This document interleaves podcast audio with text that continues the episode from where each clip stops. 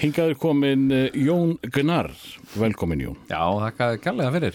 Þetta er eh, hlaðvarpserja sem heitir Greenland 2 Já, og uh, gengur svolítið út á skemmtilegt fólk að segja sögur á sjálfum sér. já, já það, þá kom vel á vondan. Já, þarna hitti ég akkurat naglan á höfuð þetta. Já.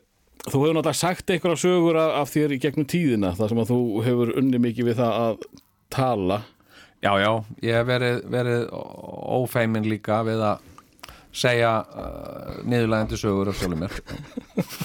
það er akkurat það smýralegt uh, sko, maður er búin að heyra sko alveg frá því að uh, þú varst bara lítill drengur Já, það sem að þú legst uh, bara við ömmuðina eða ekki mikið sko, jú, ég uh, hérna er að mjög leiti alin upp með ömmu minni. Amma, amma uh, sko, var blind eða semst önnur amma. Ég átti tvær ömmur en uh, þær byggu báðar heima og, og uh, byggur báðar heima já, sem sagt sko en ekki saman já, eins og margir aðri þá átti ég tvær ömmur Já. og önnur eins og gerðan gerist önnur dó á undan hinni. Já, og, og, og sú sem dó, hún flutti út og sú sem dó ekki, hún flutti þá inn og tók mig af í ömmunni. Uh, og uh, uh, sko ég hafði nú ekki mikið af móður ömmu minni að segja. En sko að því að ég var bara þryggjaða fjóra ára þegar hún, þegar hún dó, nei ég var fimm ára þegar hún dó. En, uh, en ég reyndar heyrði sögu sko uh, um daginn sem að ég held ég hafi ekki sagt áður. Uh, ég held ég hafi bara ekki sagt frá. Uh, og það var þannig að sko ég gáði bókum síðustu jól uh, og uh, uh, og hérna og var að fara um og, og kynna bókina og lesa upp og, og ég fór í uh, svona þjónustu kjarna fyrir, fyrir eldri borgara og, og, og sagði þeim frá bókinni og, og síðan eftir ég er búin að lesa þá kemur til mér kona og segir hérna þakkaði mig fyrir og og sagðist uh, með að til með að segja mig sögu af sjálfum mér. Af þér sjálfum? Já, Jaha, og uh, hún sagði já, ég nefnilega er hjúgrunafræðingur og uh, starfaði uh, við heimahjúgrun og ég uh, hjúgraði ömmuðinni eða syndi ömmuðinni uh, hérna síðasta árið hennar. Já, og, og, og, uh, og við fórum þá á, á nokkra staði uh, að sinna fólki og, komum til þín uh, svona þrísvar í viku og okkur hlakkaði alltaf til að koma og hitta þig því þú varst svo skemmtilegt bann. Já, eindislegt, já, þú varst alveg rókur alls fagnaðar og reyktir af þér brandara og það var svo gaman að hitta og þér fannst svo gaman að hitta okkur og, uh, og, uh, uh, og við hlóum svo mikið og, og uh, en mamma þín var nú ekki jafn hrifin að þessu að henni fannst eins og væri að trubla okkur. Ég var nú alltaf að segja við hann nei, nei, það er engin trublun á hann, hann er bara svo skemmtilegur. En, uh, en hérna þannig að hún kom stundum og, og náði í þig og, og, og fór með þig fram og, og þá, þá hérna kvarst í smá stund og svo leið bara smá stund og þá, þá lættist þú aftur inn til okkar og hérst áfram að, að bladra þú talar ofbóðslega mikið. Já, já, já.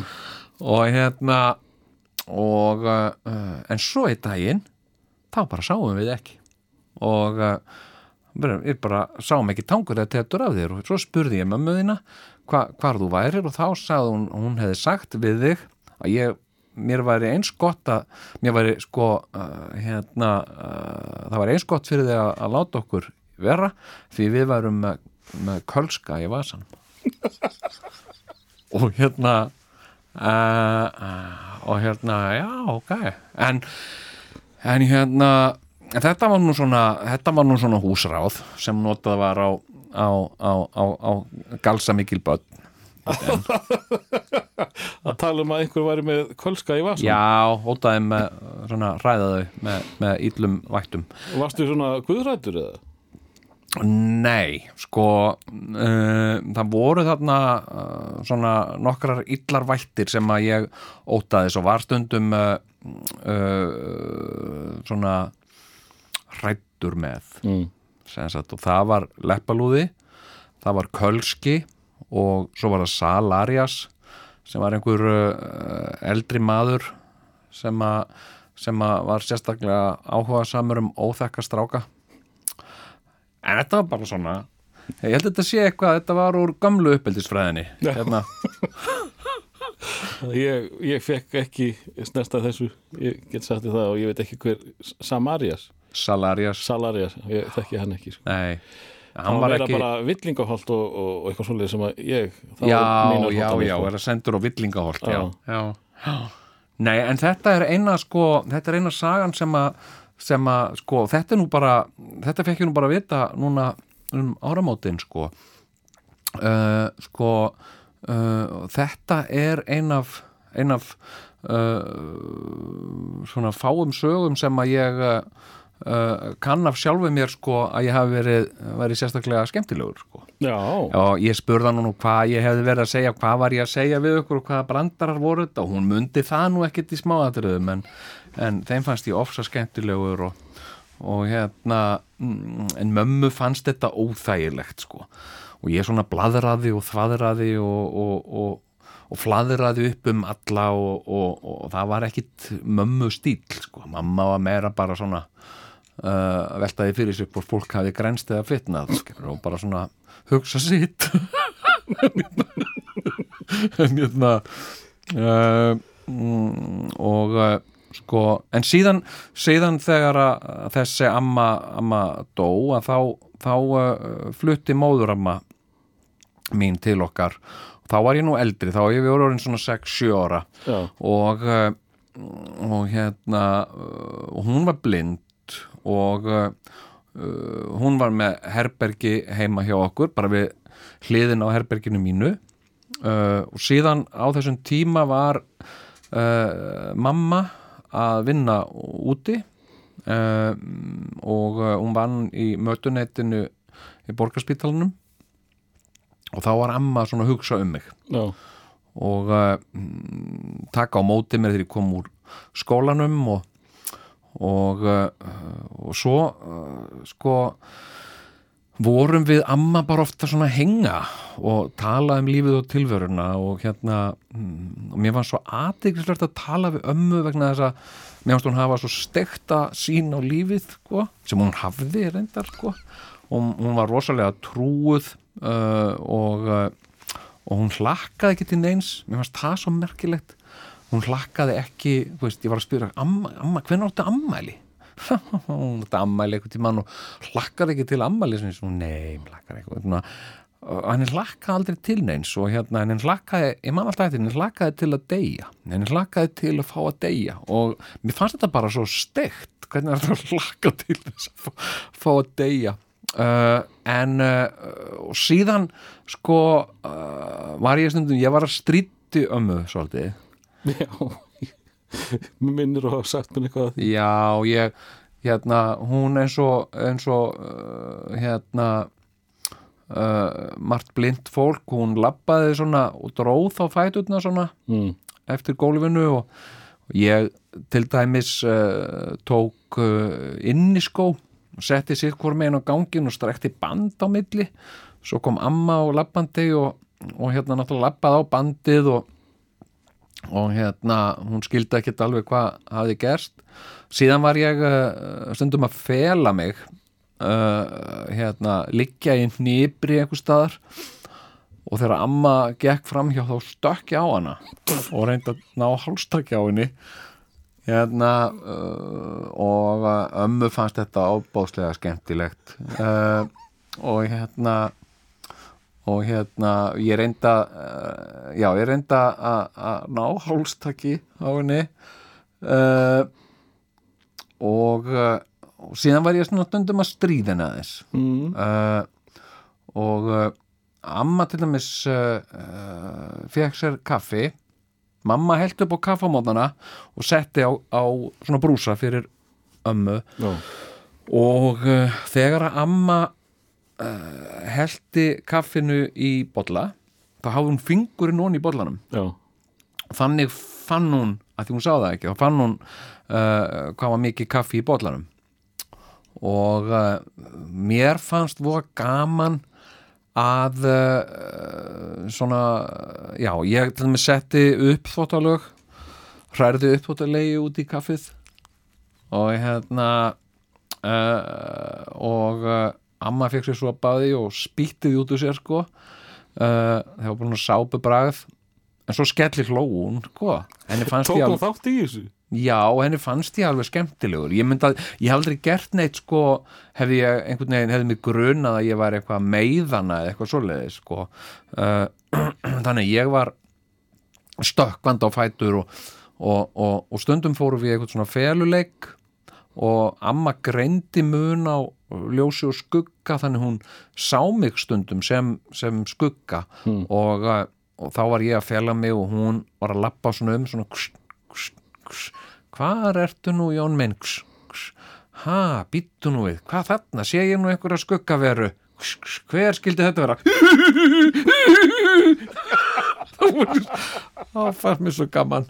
Og hérna og hérna mm, uh, og svo greip hún svona í mig og þá reyndi ég að snú upp á hendina á henni og þetta var uh, en sko uh, og þetta var ekkert, þetta var alveg saklaust sko. Uh, hérna, hérna en mörg, það fór fyrir brjóstið á mörgum og það var svona talað við mig svona fullorðið fólk, var að segja er það rétt Jón að þú að stríða ömmuðinni og ég var alveg, já, henni finnst það alveg gaman. Þá veist það er ekki fallegt að stríða gömlum konum, sérstaklega ekki gömlum blindum konum, já, mér finnst það alveg gaman.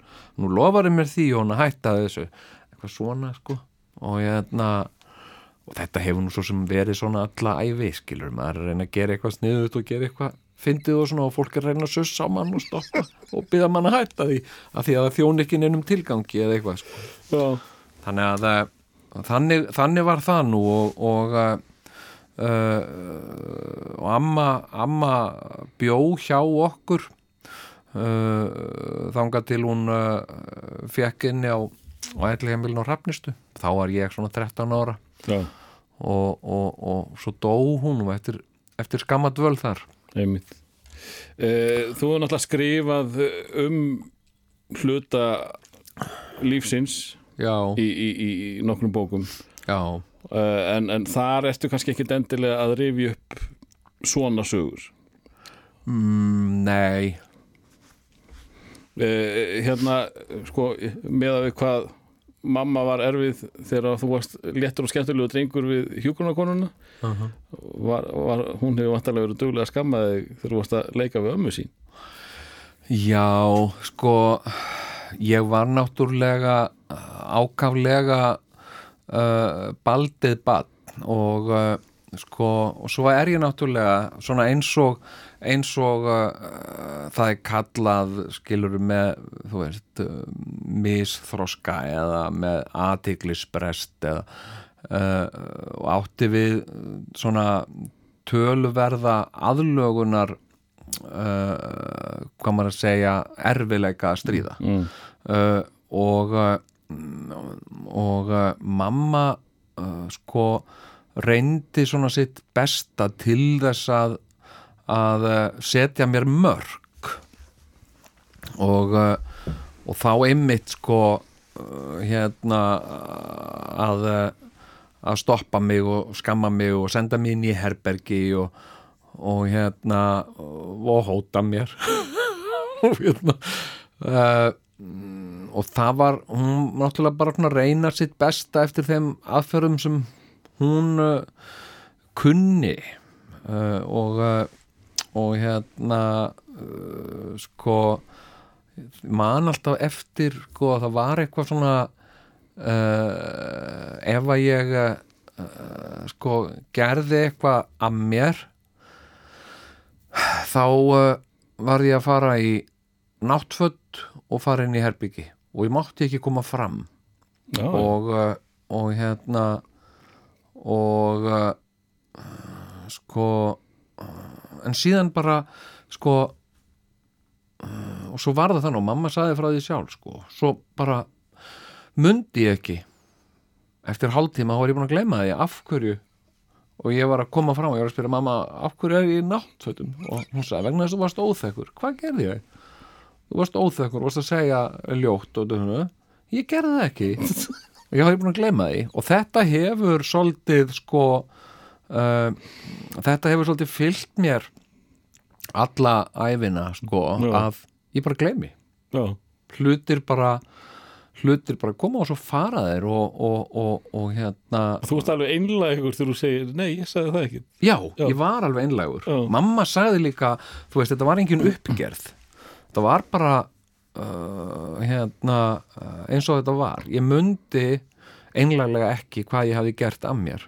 Og, uh, og það gerði náttúrulega hennar stöðu líka svolítið flóknari, sko, hún hérna var að refsa einhverjum sem að mundi ekki hvað hann hefði gert. En þú veist og þetta hefur sko á upphafsárum uh, uh, internetsins þá var ég til dæmis uh, ég var beðin um að sitja fyrir svörum á einhverju svona fóstbræðra spjallsíðu á netinu. Já, og ég var heldur betur til í það og, og, og, og svo uh, fekk ég uh, hérna, símtal frá einhverju manni sem sagði, þú veist, þú fara á þessa síðu og, og, og hérna og skráði inn og hérna í nettengri tölvu og ég gerði það. Ég held að það verið bara svona uh, rétt undir 2000 Mm. það ekki verið svona 97, 98 og hérna og, uh, og netið var þá svona misjaflega mikið komið sko, það var ekki allir með þetta? Nei, en þú veist það voru svona netkaffi, þú vorst á svona netkaffi. Já, já, en, en, en hérna ég var heima hjá mér og uh, ég settist þetta inn og, og loggaði minn á þessa spjallsíðu og sem Jón Gnar og, og hérna og svo var ég bóðin hérna velkominn og, og hérna, já, og bara og svo var hérna fólk á spjallsíðinu og var að spurja mig eitthvað um fóstbræður uh, eitthvað, þú veist hver áttu hugmyndina þessu og hinnu og ég mundi ekki. Sem sagt hérna uh, hver áttu hugmyndina indriða? Og ég bara svaraði á móti indriða, hver er það? Og hérna indriði sem að hérna er alltaf að segja og ég að gera það? Já, alveg rétt, já, já, já. Uh, hver átt það mann ég ekki. Og ég bara, það voru öll svörin bara öll svörin mín voru, ha, hvað var það aftur? Það mann ég ekki. Ha, hver er það? Og hérna, og endanum var mér hent út. Mér var hent út þessari spjallsíðu og það kom bara skilabúðin you have been kicked out by admin. Og hérna og þetta eh, er bara eitthvað sem ég hef þurft að díla við eh, díla við alla æfina mína sko að eh, að hérna sko gera mér svona uh, misjaflega mikið grein fyrir. Og þess vegna kannski hefur það verið mjög mikilvægt fyrir mig að uh, sko skrifa þessar bækur mínar. Já, að einhvern veginn að sjá líf mitt í samhengi og við þekkjum þetta og ég meina þú þekkir þetta skilur eins og þegar við erum að, að horfa tilbaka og segja eitthvað að sögu hvernig eitthvað gerðist að þá mann ég það. Yfirleitt er það Sigurjón sem að leiðréttir meira heldur en að ég segi. Já, já, segir, átt, þetta var ekkit 87 nei, nei, nei, þetta var miklu setna þetta, þetta, En, en þú, þú ert hérna lang yngstur það ekki Jú, ég er, er uh, lang yngstur fjögura sískina uh, og uh, uh, bróður minn og, og eldri sýstir þau eru 24 og 25 árum eldri en ég. Já. svo ég sýstur sem er 12 árum eldri en ég. Já, uh, eldri sískinu mínum uh, kynntist ég uh, lítið í æsku. Mm. hafði lítið samband við þau sýsti mín bjó líka í Noregi og, og hérna og yfirleitt þegar að hún og fjölskylda hennar voru í heimsókn á Íslandi þá var ég í sveit þannig ég hitti þau ekki sko. og uh, uh, en uh, en sýstir mín semst yngri sýstir mín hún, hún passaði með stundun, ég var lítill og svona. Og og, og foreldrar mín voru náttúrulega orðin mjög uh, fullorðin þegar eignuðust mig. Uh, mamma var 45 ára og pappi var 50 já, þannig að uh, og þau voru uh, svona, já þau töldu sig minnst að vera komin úr batneign og, uh, og það stóð alls ekki til að fara eiga eitthvað batn þannig að þetta var eitthvað svona þetta var eitthvað svona sem uh, gerðist nú óvart uh, eins og uh, mjög oft. Uh, hérna En, en mamman er greinlega, sko, í þá daga var móðurinn svolítið bara sá um uppeldið. Já, og kallinn kom heim í, í mat og sussaði yfir manni yfir fréttunum.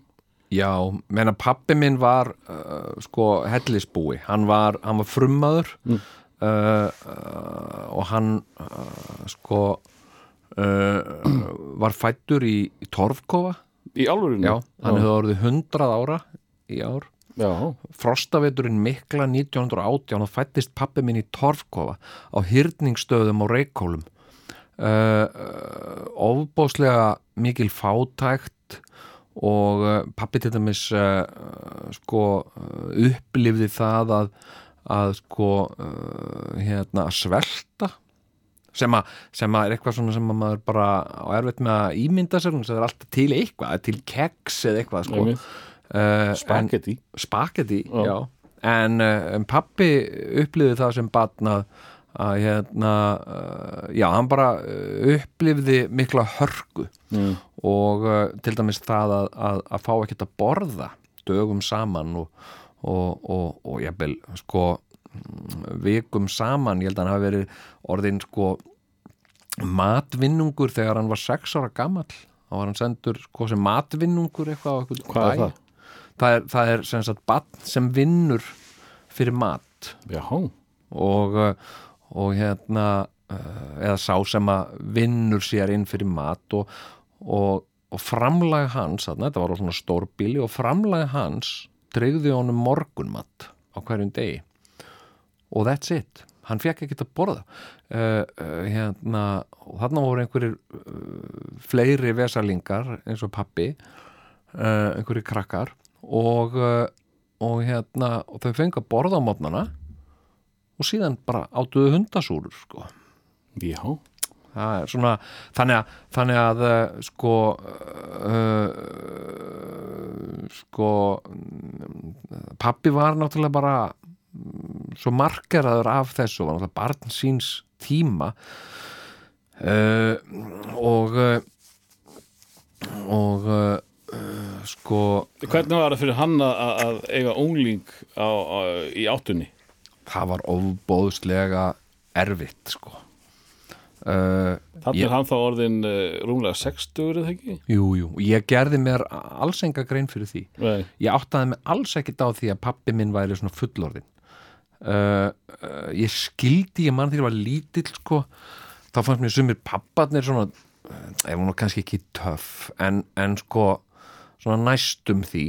Uh, hérna, ég man eftir einum pappanum sem var svona, var svona töffari og var í gallabuxum. Mér fannst það mjög töff. Pappi minn var bara í svona kallabuxum alltaf eða löggubúningi og en, en hérna, það var eitt pappin sem var svona gæi í gallabuxum og ótti jeppa og, uh, og hérna og, og ég man eftir því þegar hún í fótbolta uh, þegar pappi kom mamma sendi pappa að sækja mig og, og hérna og uh, uh, og ég skammaðist mér alltaf að pappi kom því að krakka voru að spurja hérna er þetta afiðin og ég, nei, þetta er pappi minn og ég skildi ekki að, að hérna, af hverju, af hverju haldið þessi að því ég held kannski að væra að því hann klætti sér svo hallarislega Mm. að fólk held að hann væri afi minn, mér finnst það eitthvað bara, ha, nei, þetta er pappi minn. Og hérna, og pappi kom og hann var náttúrulega bara svona hann var náttúrulega bara uh, furðulegur, ég meina öll mín sískinni eru mjög furðuleg. Uh, og Þú ert alls ekkert fyrðulegu. Nei. Og hérna en hann kom sendur hlaupandi á, völl, út á völlin og allir einhvern veginn horfða á hann kall sem kom og svo glaður hlaupandi og svo sparkaði hann svona þrusaði hann í boltan með tanni þannig að hann skaust yfir í næsta limgerði bara í næsta húsgarð og svo sagði hann, já já Jón, komdu. Og, og hérna þannig að allir sendu mér svona eitthvað svona haturs hattusaugu af því að, af því að hérna pappi minn eða afi minn eða hver sem þetta var að búin að þrusa boltana með eitthvað. Svo náttúrulega í fósvóinum þannig að að brekka og ef maður misti boltan niður brekkuna þá er þetta að hlaupa alla leðina lengst nýr í daljabil til að sækja hann sko. Uh, þannig að uh, hérna mm, já en þú veist ég, ég var náttúrulega bara uh, kraftmikill og, og, og, og, uppátækja samur og, og síðan náttúrulega ekki skánaði það. Síðan var því náttúrulega svona vandræða gemsi.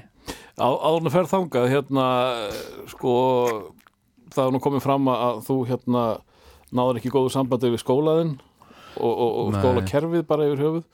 Uh, þú ert í fósfóinum varstu í einhverju svona klíku?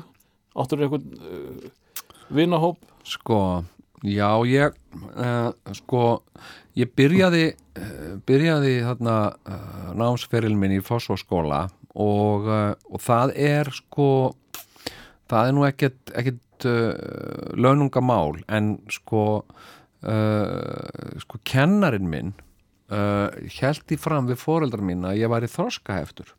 Kennariðin sagði það? Já. Og sko uh, sem að mm, kannski svolítið harkalegt en hérna hún sem sagt sagði þetta og uh, og, uh, og hérna og það var uh, líka frændi minn góður, góður frændi minn sem að var líka úrskurðaði þroskaheftur uh, og mm, og hérna en það sem að það sem að var kom síðan í ljós að var, var hans vandamál var að hann, hann var hirnaskertur, hann heyrði illa. Og, uh, og hérna og við vorum óaðskiljanlegir. Við vorum alltaf tveir tveir uh, saman og, og hérna uh, og bara sérst, á hverjum einasta degi þá, þá hittumst við og og uh, leikum okkur saman. Og við vorum svona í fjölskyldunni foreldrar okkar uh, voru góði vinnir og, og hérna það var samgangur á milli og og, uh, og síðan sko og síðan svona gekk mér allt í lægi sko í skólanum. Var það ekki líka eitthvað með hérna að þú sást ekkit vel? Já, jú, ég, það var annað sko, ég var, var mjög var mjög nærsýn auðvitað er það líka sko, hann er alveg stór furðulegt sko uh, það uppgötast ekki fyrir en að ég er uh, 12 ára sem ég fer í sjónmæling og þá er eitthvað svona regluleg sjónmæling í skólanum. Kemur bara uh, stöðluð, ha, bara stöðluð? Já, kom einhver og, og hérna og uh, sko og þá kemur í ljós að ég er uh, bara töluvert mikið nærsýn og líka með sjónskekkju og hérna sem gerir sjónskekkja virkar þannig að sko uh, hérna ef þú horfir með báðum augum á einhvern punkt þá fer hann úr fókus já, já. uh, og uh, sko og ég var uh, og ég var þannig að, að uh, sko, ég hafði opbóðslega gaman að sjónvarpi uh, og horfði á þætti, ég horfði til dæmis á húsi á sléttunni og þá þegar ég horfði þá var ég alveg upp við skjáin og horfði á myndina og svo leitt ég niður og las textan og leitt svo aftur upp til að missa ekki af og alveg bara svona 10 cm frá sjónvarpinu. Og engin svona átt að sér heyrðu Nei, það, fólk held bara ég hef bara svona óbóðslega gaman af sjónvarpi. Ég væri svona, ég hann er bara sjónvarsjúkur þrengurinn og hérna en veistu það, þetta er eh, sko enn þann dag í dag sko með eh, merkilegri upplifunum sem að ég hef orðið fyrir í lífinu sko ég hérna fór í sjónmæling og þá er sett svona fyrir annað augað og, og hvernig sérðu þetta og hvernig sérðu hitt og eitthvað svona og, og eh, og hérna og síðan mættum við uh, í glerugnavegslunin á Lækjartorki ég held nú síðan ennþá og, uh, og ég fekk og þetta var að kvöldlægi um vetur svona uh, setni partinn. Og uh, og hérna og ég stóð við gluggan í glörgnaverslunum með horfði yfir lækar torkið og, og, og, og hérna auglæknirinn eða konan hann í búðinni setti á mig glerun og ég gleymi þessu aldrei. Ég getur vel verið ég gleymi þessu en, en ég hef ekki gleymt þessu en þá hérna uh, þetta var bara svona ég sá bara algjörlega nýjan heim. Ég, ég, ég mann mjög stert eftir því mér fannst uh, sko öll ljós svona götuljós mér fannst öll vera svo loðin. Og ég sá stundum ekki staurana sem að ljósin voru á en ég sá bara svona eitthvað svona loðið ljós einhvers þar í, í, í, í lausu lofti og uh, Þetta taldið þú bara að vera eðlulegt að þú þekktir ekkit annað? Já, Já. en sko uh, hérna og ég, þetta, þetta hefur sko þessi, þessi nærsýni, hún hefur svona byrjað skiluru og svona ágerst. Þannig að, þannig að hérna uh, ég, var, ég var svo mikið nærsýn sko, með minni hafi verið með uh, fjóra uh, mínus fjóra öðrum megin og mínus sex innum megin uh, hérna, til dæmis ég var það mikið nærsýn að ég hefði ekki, ekki fengið bílpróf Já. án glerugna sko. Uh, þannig að þetta, þetta hefur háð mér mikið án þess að ég fatta það. Og, uh, og hérna og, og stundum var þetta til óþæginda til dæmis sko uh, og þetta kannski og núna til dæmis er ég að hugsa sko eins og til dæmis þegar, ég er, þegar ég er krakki eins og í fótbolta uh, af því að ég hef nú oft talað um þú veist, ég bara náði ekki fótbolta. Uh, ég bæði náði ekki árangri í því og ég skildi ekki út á hvað þetta gekk. En síðan minn núna þessum fullorinn maður veist, ég hef átt krakka sem að hafa verið í fótbolta og ég, þetta er ekkit þetta er engin geimvísindi sko. Og hérna og hérna Já, uh, fannst þér þetta flókið? Já, ég skildi ekki. Ég, ég, hérna, og það hefur kannski verið svolítið mikið til út af því að ég bara einfallega sá ekki það sem voru að gerast. Það var eitthvað, einhver stór hlutaði sem fór fram hjá mér og stundum var það boltinn, skilur stundum sparkaði einhver þanga og ég hljópa eftir þá hérna uh, í þá átt, en svo var kannski einhver annar sem sparkaði boltinn ég bara sá það ekki. Þannig ég hljóp bara eitthvað út í út í, út í hafsauga og, uh, og hérna sko og, og þetta er nú sko uh, hérna ég, það er eitt sem að ég hef uh, ég hef uh, svona komið stað í, í, í tilvörun í lífinu. Að ég held að mjög mikið af því sem að uh, sko við erum svo uh, við erum svo sko vön því að ætla einhvern veginn að, uh, að við uh, höfum uh, frjálsan vilja við manneskjur. Og, og, og þegar við gerum eitthvað eða gerum ekki eitthvað að þá sé það út að vilja okkar. Og ég held að, að frjáls vilja sér stórlega ofmetinn að það er svona mín niðurstað eftir að hafa skoðað mitt lífslaup og annara að, að frjáls vilja sér stórlega ofmetinn. Og ég held þetta uh, sko það sem við gerum það sem gerist fyrir okkur í lífinu og svona sé mjög mikið bara af eðlislegum orsökum Mm. sem sagt hvernig við, hvernig við erum og, og hérna og hérna uh, sko og hafi mm, aðalega bara með efnaskipti í höfðinu á okkur að gera uh, og ekki svo mikið með sko hérna og svo, þú veist, eins og bara þegar að maður er svona krakki skilur með, með einhverja svona uh, ég meina hvað, hvað sem að hvað sem að það er sko uh, ég, ég hallast nú að því uh, sko svona í setni tíð að uh, að hérna uh, ég sé með einhverja svona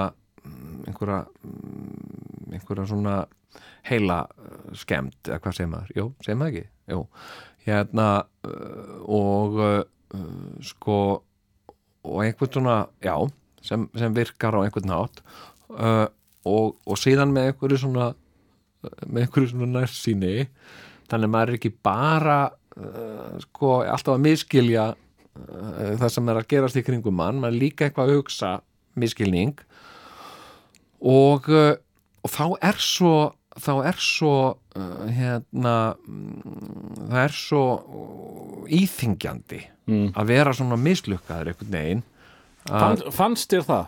Var, var- varst að hugsa það eða, eða, eða hérna uh, sko, já, já, þú varst ekkert bara svona, ég, ég er bara flippaður það, þú hugsaði að það er eitthvað af mér já ég, ég sko, ég hugsaði það og ég meina uh, svona allir í kringum held ég líka að hugsað það sko, þú veist, það er eitthvað það er eitthvað að honum sko. Mm.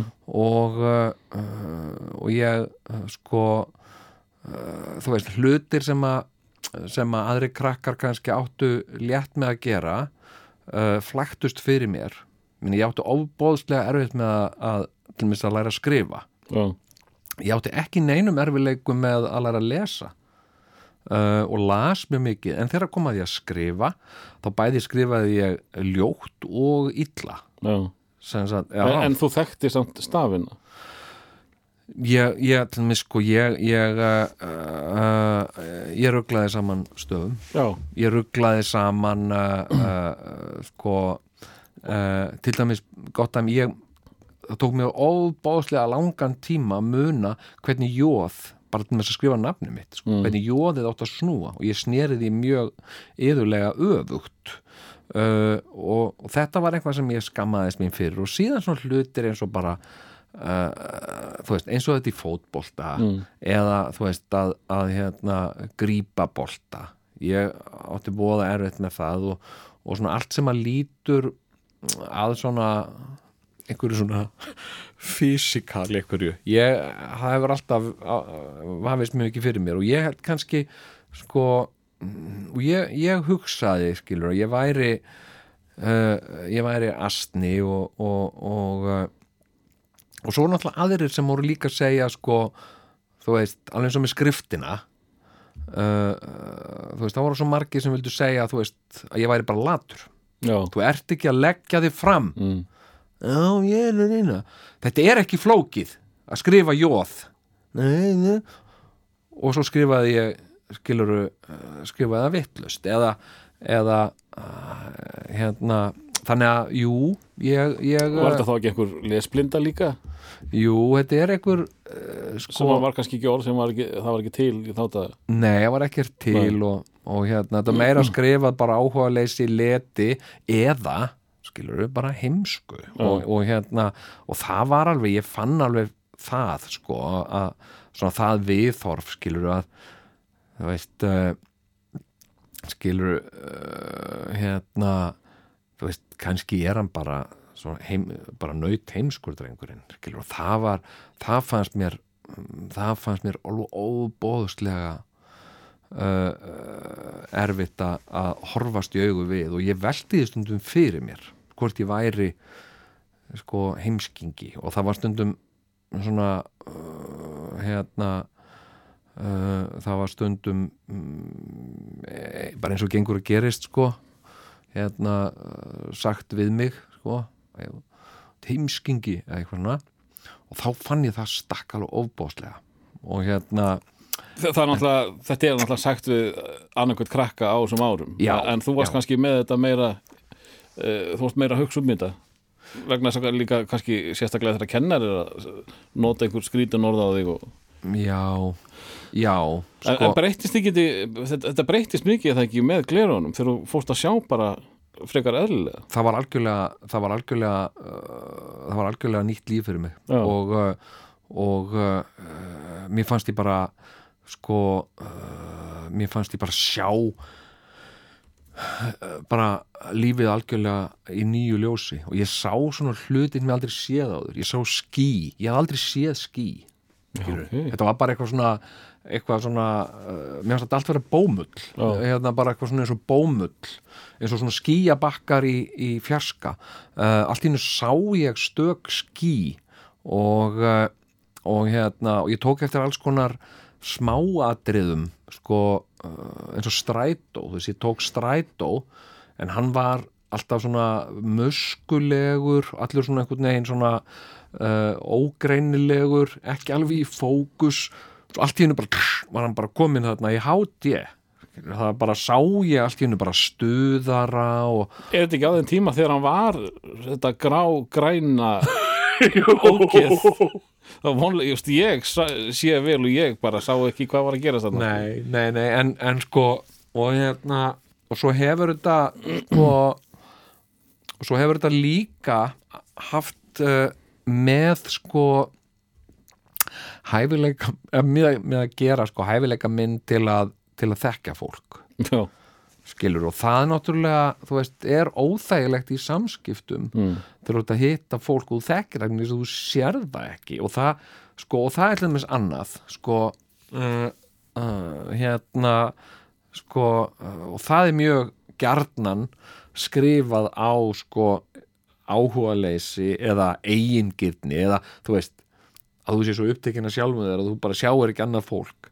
Þegar að, að þú veist, og þetta bara er náttúrulega sorglegt skilur, þegar, En þú, þú ert samt rosalega opinn fyrir því e, sko e, ég á mjög erfitt með að greina og muna andlit já, já, og ég fer það bara með augun í göttuna en þú ert uppið, þú ert tilbúin að taka við hvernig sem er og, og ef að hann, eða þú átt að þekkja hann þá bara tekur því, já, já, já og ert tilbúin að tala við hann í hálftíma já, já, já, já. þannig að veist, uh, það, eru, það eru nokkra hliðar á þessum peningi vegna þess að Já, já. mér finnst öryggast að horfa bara niður þá lendi ég ekki nýjum vesinni, hvort ég þekki hann eða ekki sko. já, já, það er sko uh, sko mm, það er uh, eitthvað sem að ég uh, ákvað sko þegar ég var bara unglingur að ég ætlaði að reyna bara að uh, fara ekki um lífið og, og njóta lífsins og einhvern veginn uh, reyna að taka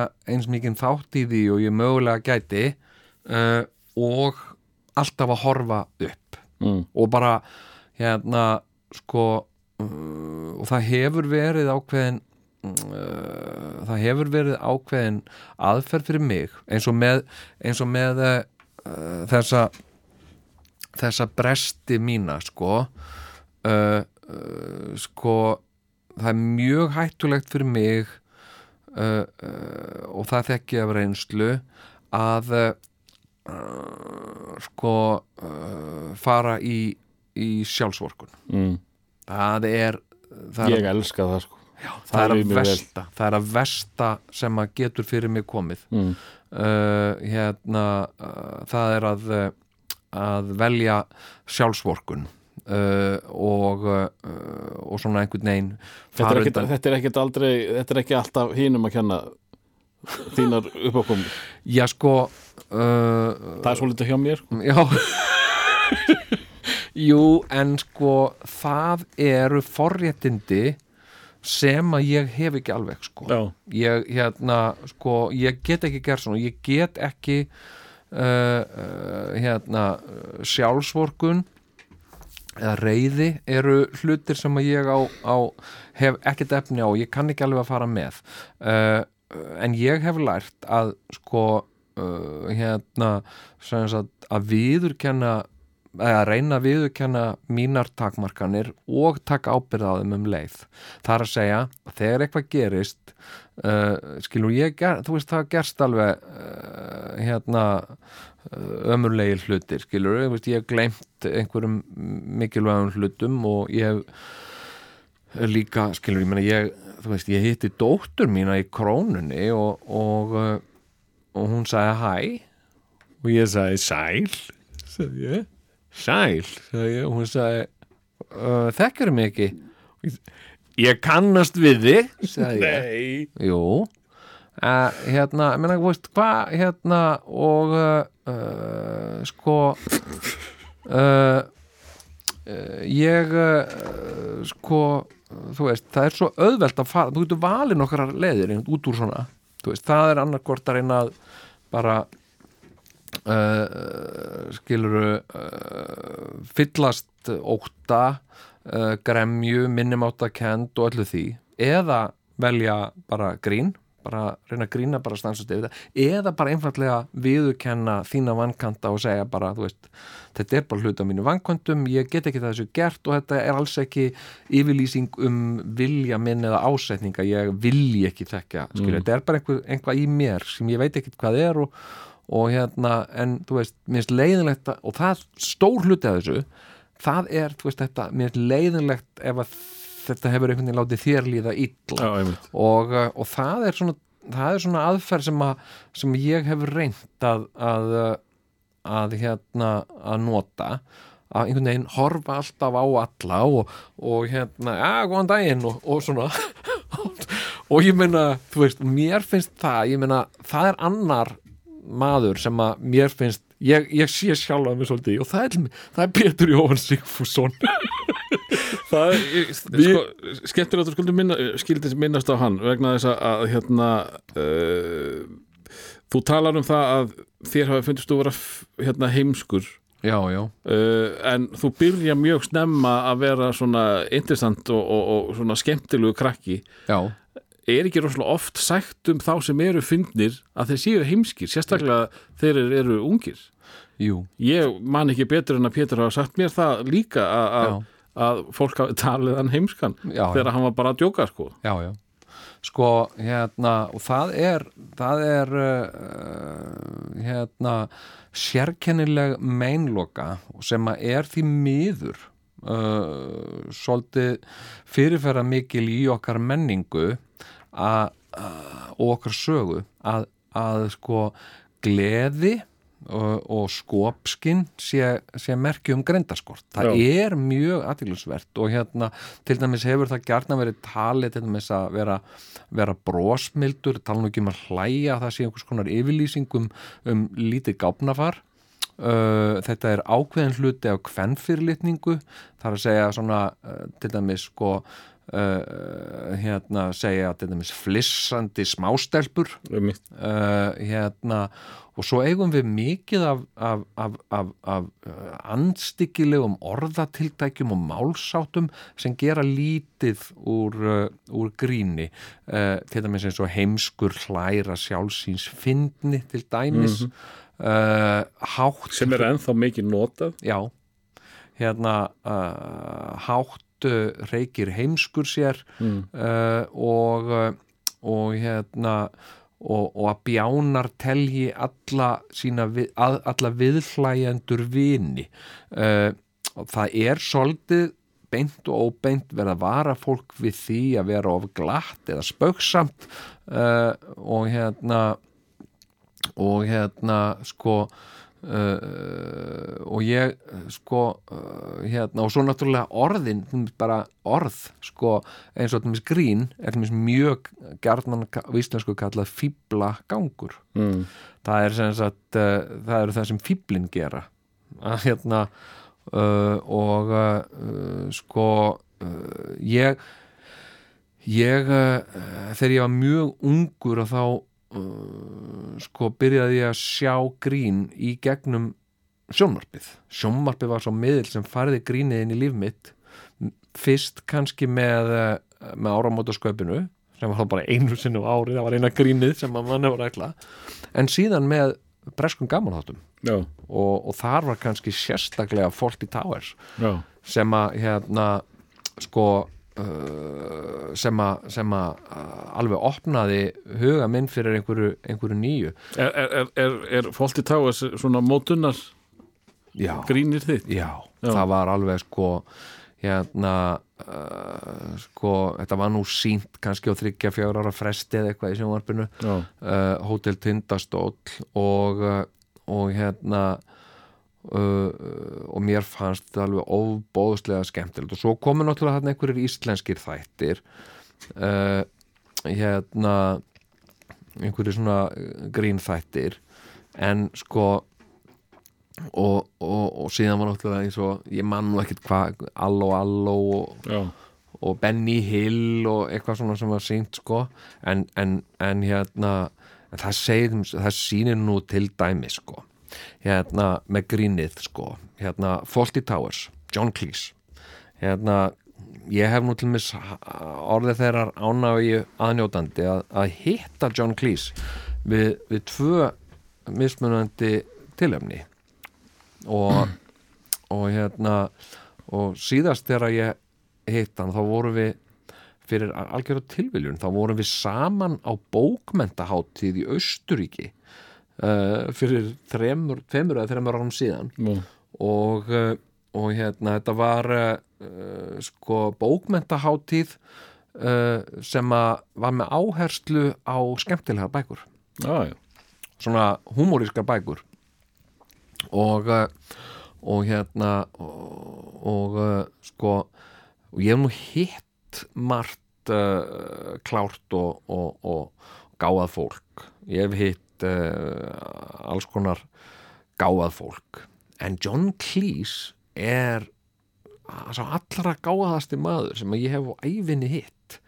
Og hérna og hérna hann er svo gáfaður og þetta, hefur, þetta er í bæði skiptin sem ég hef hitt hann sko. Hann er svo gáfaður, ég hef verið að tala við hann og ég hef tínt þræði í því sem við vorum að tala um sem er ofbóðslega sérkennilegt uh, hérna vegna þess að hann er að sko, hann tekur eitthvað, þú segir eitthvað við hann, hann segir eitthvað, já, da, da, da, hérna, uh, hvernig finnst þið þetta? Og ég er svona, já, hvernig finnst þetta? Ég er nú ekki hugsað, jú, mér finnst það nú kannski heldur svona, svona og hins segir, nú, já, einmitt, það er kannski svo þetta og sem er, sem er ekkit ólíkt þessu sem minnir mig á það, þegar við gerum þetta, þá erum við alltaf setja og svo, og svo hvað vorum við eftir að tala? um? ég bara, ég hérna uh, sko, uh, því hann, hann skiluru hann er bara mér finnst svolítið svona að tala og vinna með tungumáli, mér finnst það bara svolítið svona eins og kuppa og ég er svona kuppa svona varlega, setja eitt kupp og skoðan og setja svo annan kupp og, og svona, en hann einhvern veginn bara kuppar aður nú veist af þá er hann búin að kuppa bara bara. Já. og hérna bara, býtu, hva, hva, hva, hvernig gerur þetta og, og hérna uh, sko og uh, og hérna og John Cleese líka sko hérna uh, sko hefur uh, hérna flutt hann aðtiklisverðasta fyrirlestu sem að ég hef bara nokkuð tíman séð sko. Já, og hérna um einmitt hérna uh, sköpunarmáttin eða creativity. Þú hérna, þú skrifaðir fyrir hann auglýsingarnar er það ekki, kaupþings eða einhverju leiti uh, jú, ein, ein, einhverjum einhver hluta af því. Já, og hérna uh, og fór uh, á vegum auglýsingarstofunar sem ég var að vinna fyrir. Fór til til útlanda ég og Randver. Já, og hérna og tókum upp hérna auglýsingar með, með honum. Og uh, og þá er mitt uh, uh, fórum við út að borða og, og hérna uh, hann talaði bara allan tíman og maður einhvern veginn svona sko, og meðan maður var ennþá að hugsa um það sem hann sagði á þann þá var hann byrjað að tala um eitthvað annað. Maður var svona, yeah, yeah, yeah, that's uh, yeah, that's amazing. Já, hérna, nei, ég meina ég ímynda mér sko bara, veist, hann, hann tala við hann eins og hann sé með bara með tvo heila, sko, ég, hann er ofbóðslega gáðaður og, uh, og hans verk líka bera þess merki, sko uh, uh, og uh, og yfirleitt uh, sko uh, grínistar svona sem að ég hef kynst, þeir eru nú mjög klárir og, og Pétur eins og þú veist, hann er einstaklega velgefin maður, sko. Hann er mjög klár en það, en ég menna þetta er bara svona eins og uh, þú veist, hvernig við uh, verðurleggjum kosti og galla, við teljum einhverja suma galla vera ofsalega mikla og aðra kosti vera ofsalega litla en það þýðir samt ekki endilega sé við það. E, e, Hérna, þegar að þú ert að þróa með þér þinn húmor já, hvernig fer það í, í aldraða fóreldra og, og tala um pappa sem er af elsta skólanum já uh, uh, pappa fannst ég aldrei fyndin uh, honum fannst ég ekki honum fannst ég ekki uh, skemmtilegur. Uh, mömmu fannst ég alveg eiga það til að vera sniðugur uh, en ekki pappa og, og, og pappi var nú ekkit svona sérstaklega mikið spontant húmoristi uh, mm, og svona uh, ég byrjaði nú mjög snemma að uh, að svona bulla í mömmu. Við mamma vorum svona bulla. Og, og höfðu bæði gaman að já, Já, og svona hérna uh, áttum svona okkar enga húmor mm. uh, hérna þú veist ég hérna mamma spurði mig eitthvað hérna hvað hérna uh, kom, hann, kom hann þessi maður í dag? Og ég sagði nei hann kom ekki, nú akkur ekki? Ég sagði allir sér ekki bara búið að drepa hann. Og hérna og mamma sagði nú heldur það? Og hver heldur hafi gert það? Ég, það hef ekki verið tryggvi hérna við hliðina sagði ég. Og það var svona bull sem við mamma þú veist, svona hefði ég aldrei getað bulla í pappa. Hérna hann, "Æ, kom, kom hann maður hérna nei, nú okkur ekki? Ég veit að ætlis ekki bara búið að drepa hann. Ha, hvað meinur þú? Það, það, það, það er ekkert hægt að bulla svona í honum. Sko og uh, honum fannst ég bara uh, já uh, og það var svona og pappi var líka svona hann hann hafði ekki gaman af af sko ekki gaman, ekki raunverulega gaman af tónlist eða, eða einhverju svona list uh, bókmentum, hann las mikið og uh, en ekki ekki neitt svona sérstaklega gaman af einhverju svona uh, mamma aftur á móti hafði meiri sans fyrir því og uh, sko og síðan uh, þegar að ég byrjaði svona að grínast uh, sko þá, þá voru það, var algjörlega þeim hulið sko. Og, og þau meira sko það sem að kannski fólk var að var að meta við mitt grín eitthvað svona til dæmis sko uh, svona um, svona blaðrið í mér sem að, sem að var svolítið svona hérna það sem að uh, var byrjað að að rósa mér fyrir það er svona þegar ég er unglingur sko Mm. þá fer ég að fá svona jákvæð viðbröð ég fer að skinja jákvæð viðbröð Varstu búin að vera með þessa blöðru bara síðan og mannst eftir þér já, en varstu loksins að fá viðbröð þegar þú ert að verða úningur eða? já sko uh, Hvenær áttar þið á því að þú sért fyndin? ég sko uh, hérna ég hef nú kannski verið sko uh, 10-11 ára þegar ég man eftir að ég, ég skildi að, að ég var fyndin Mm. uh, uh, sko uh, systir mín staðfesti það og, og sko 12 árum eldri já, Já. hérna hún fór stundum að skelli hlæja þegar ég var eitthvað að bulla uh, sko og ég man uh, þegar ég var krakki í, í Fossvóksskóla þá var ég stundum að finna upp á einhverju og hérna og oft var gekk það út á einhvern svona orðaleikja útúrsnúninga mm. og uh, einhvað sem að var eins og eitthvað annað uh, og, og ég man eftir einu svona sátu við heimakrók og kennarinn var að spurja sagt, um afkvæmi dýrana hvað heita afkvæmi geitarinnar og, og hvað heita afkvæmi svínana og, og, og hérna og, ég alltaf rétt upp hönd alltaf ykkur einasta skipti sko. Og, og hérna hún vildi ekki lega mér að svara sko, bent á einhvern annan en mig. Þú varst tilbúið með gott grín eða? já, já oft var það þannig sko. Hérna, hérna, þú veist ég sagði hvað, heitir, hvað heita eh, afkvæmi svínana og þá myndi ég segja uh, þú veist uh, hérna uh, grísafólöld eða eitthvað svona, ég var ofta að búa til eitthvað svona. En sko, svo sagði hún en, en hvað heita afkvæmi hérna, bjarnarins? Bjartýra og það gati þetta enginn. Þannig að þar koma mér að þá sagði ég hurðarhúnar. Hérna hurðarhúnar sagði ég. Og uh, þú veist og bekkurinn hló og þetta var sniðu þetta var, Semir rétt já. Og uh, það var líka orðarleika grín. Uh, en ég var, fekk sko uh, neikvað viðbröð sko frá kennaranum. Sem skammaði mig og, fýblagang ekki vera með svona fýblagang og útúrsnúninga og uh, sko uh, og sko uh, hérna mm, en síðan þú veist, auðvitað skinja ég það frá öðrum krökkum. Svo fann ég líka að sko þetta að gera grín það gætt líka gagnast mér sko svona í, í, í, í rifrildum eða eitthvað svona.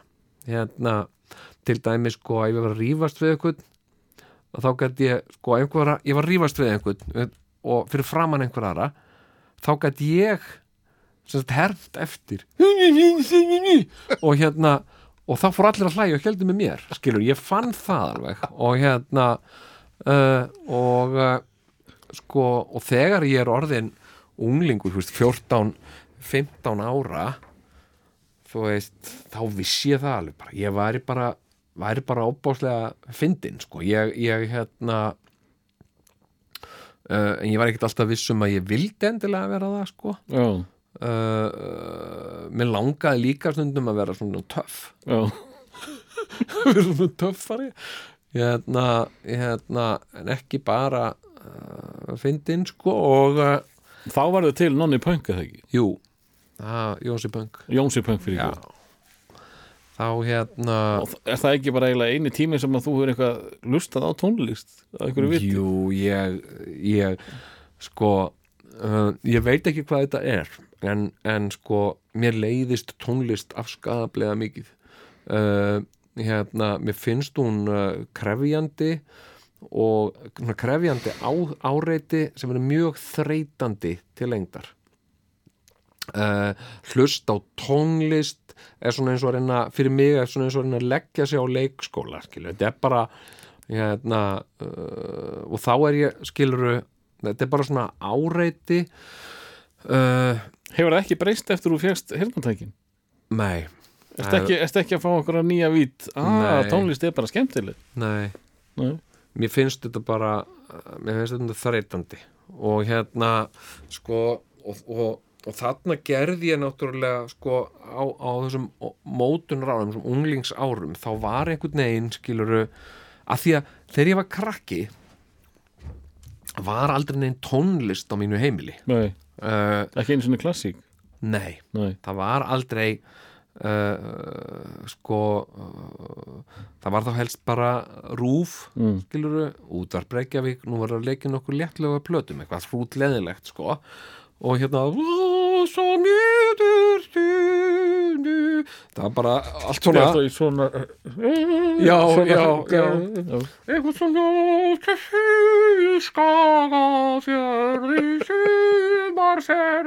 og allt svona hrútleðilegt uh, og uh, sko uh, ég man eftir að hafa orðið fyrir áhrifum þegar ég heyrði London Calling og Bankrobber með klass fyrst. Uh, og síðan hafa lög náttúrulega stundum einhvað í lögum hefur haft einhver svona áhrif á mig eða kannski tengst skilur einhverju. Það gerist eitthvað hérna uh, þegar eitthvað ákveði lag er spilað og það verður hluti af minningunni sko. Mm. uh, hérna hérna en sko en þarna verður svona krafan um það að þú staðsetir þig í tónlist.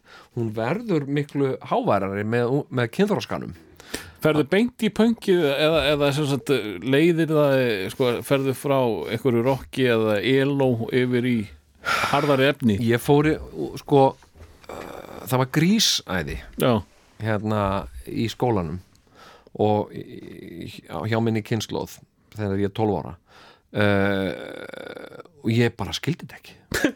Ég, ég hérna þetta var allt svona sko, þetta var allt eitthvað svona 50s en samt var þetta ekki gamalt þetta var nýtt, ég skildi það ekki. Þarna þetta er bara hluta minni takmörkun. Ég bara sem sagt uh, sko John Travolta og, og, og Olivia Newton-John uh, sko þau voru ekki uh, þau voru ekki nútímaleg.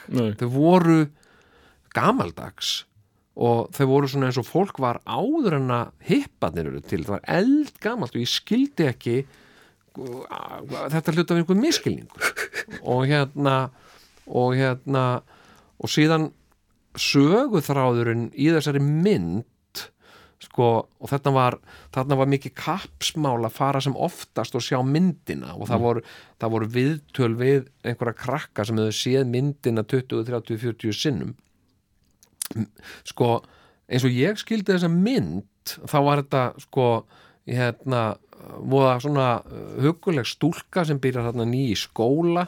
Uh, hérna hún er svona er alltaf að læra og er með gleraugu og, Góð og- stelpa, ha, góð stelpa? Já, góð stelpa. Uh, hérna uh, og, uh, og, og henni lendir aðeins saman við hérna krakkana og sérstaklega töff krakkana sem að allir vilja vera vinir, töff krakkana sem eru John Travolta og þau og eitthvað svona. Og hérna en uh, og svo verður hérna umbreyting. Hún sem sagt uh, verður svona eins og hóra. Hérna uh, verður svona gliðruleg og lætur eitthvað gera við hárið og losa sig við glerun mm. og þá er hún orðin gjaldgeng einhvern veginn og allt endar vel. Sem sagt ef þú ert bara til í að hætta að vera svona hérna uh, svona halda og sért eitthvað klár og, og, og, og, og hérna Skikkaleti fara Já, Já. og ef þú ert bara eins og gliðra þá verður allt gott og, og það mun fara vel fyrir þér. Mér fannst þetta ekki merkileg skilabóð, mér fannst þetta bara svona eitthvað astnaleg skilabóð mér, mér, mér, þetta talaði ekki til mín og ég var oft svona uh, hérna, þú veist, fólk krakka var að segja þetta er aðeinslega mynd og ég var svona "Ah, mér finnst ekki, ekki alveg frábær sko. en, en hérna Svo máttur þú náttúrulega ekki segja að það var léleg Það voru bara útskúfað Já, einmitt, sko, þannig að maður reyndi, Já. skilur, og hver átti ég að vera í grís? Þú veist, ég var, ég var ennþá eins og Olivia Newton-John var áður en hún var gjaldgeng, skilur, og ég var rauðþarður og, þú veist, uh, og ég átti bara einhvern veginn engan stað í grís. Síðan var það ekki fyrir en að ég sá uh, hérna Johnny Rotten Sex Pistols. Uh, uh, sko söngvarinn í Sex Pistols. Og svo sá ég Anarchy in the UK í sjónvarpinu. Menn það er nú eiginlega bara sko sko hérna fyrir utan sko konuna mín og börnum mín þá er bara 80% af því góða sem hefur komið fyrir mig í lífinu það er komið frá sjónvarpinu. Ja, hérna hérna uh, sko og þá það sem að sló mig við að sjá uh, Johnny Rotten var að hann var söngarinn í hósett og hann var rauðar og hérna og hérna og gott ef hann var ekki með gleru líka held að vera sólgleru en, en samt hérna, Það telur. Já og það, það var svolítið mikið sko sagt, ekki grís, ekki þetta bull einhvern veginn að, að hérna, og allir sé eitthvað að dansa og eitthvað, mér fannst það líka ég skildi það ekki, þetta fyrsta dans og söngvamyndin sem ég, mér fannst það svo skrítið, ég segi, akkur geta þau ekki bara að tala saman? Þá er hérna, á frábæð mynd ó, hvernig fannst þér hún hjá sig svolítið skrítið svona allir fór að dansa. Og hann, já, þetta er náttúrulega dans söngvamynd. Já, bara skrítið sko.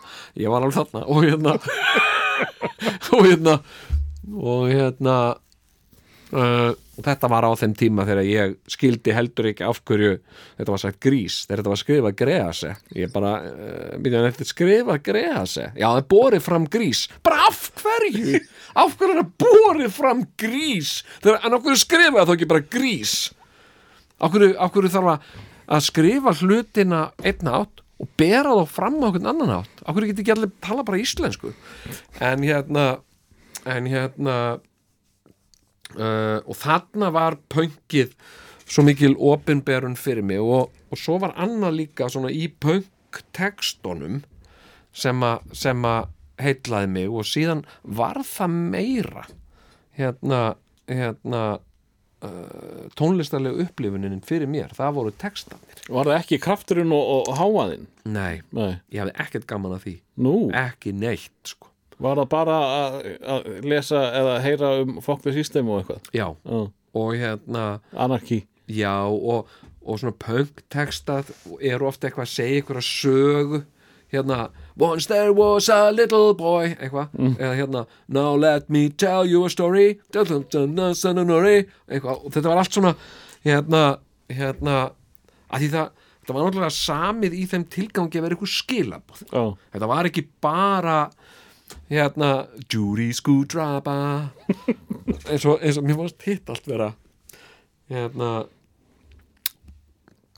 já, hérna uh, já, mér fannst allir með algjörlega absúrt að sko að, að hérna uh, sko Judy Scoodraba þýtti sem sagt uh, stelpa sem að dettur út úr sínu förðunanámi sem, sem, sem fellur í sínu förðunanámi. Ég náði þessu bara, ég, ég skildi ekki þetta er bara eitthvað þetta er bara eitthvað svona uh, gemveru tungumál. En svo tengjur alveg við punktekstana já. Sko það var bara, það er bara talaður yfir sér til mín og Já. hérna uh, og sko og ég var miklu spenntari. Það var alveg forsenda þess að ég kifti plötu sko og það væri textablað Já, með sko, það var nú yfirleitt. Og, uh, og síðan voru svona hljómsveitir þú veist eins og svona framsaknar pönkljómsveitir eins og Discharge til dæmis uh, sem var mikill, mikill háfaði og, og ég mm, sko ég gæti ekki hlusta á svo leiðis en þú varst mikill krassari? Já, á einhverjum tímapunkti þá var ekki tónlist nema krass? Nei, það varð sko svona uh, hérna mín og það er líka svona hluti af þessu uh, þessum bresti mínum. Það er ofbóðslega mikil tilneying til skilgreiningar og þráhyggju. Ég er uh, þráhyggju þráin alveg sko þú veist, ég bara fæ svona þú veist, ég fæ svona þráhyggju fyrir hlutum. Uh, og hérna og hérna, og það er bara eitthvað sem ég ræð mjög illa við uh, uh, og, og, og þetta er allt svona sko þetta er allt svona oft uh, tengt uh, einhverju rútínu eða, eða, eða eitthvað. Og hérna og hérna sko uh, uh, þannig að ég sko eftir að ég var sagt, orðin pöngari þá gerði ég mig bara ljóst að, að sagt, margir voru að segja að pöngi væri bara lið, hefði liðið hjá sko. það væri búið. Ég var pöngari 1980 en einhverjur voru að segja að það hefði sagt uh, bara uh, já, þegar ég liði hjá árin áður eða eitthvað. Og, uh, og þetta var náttúrulega ekki bara hægt sko.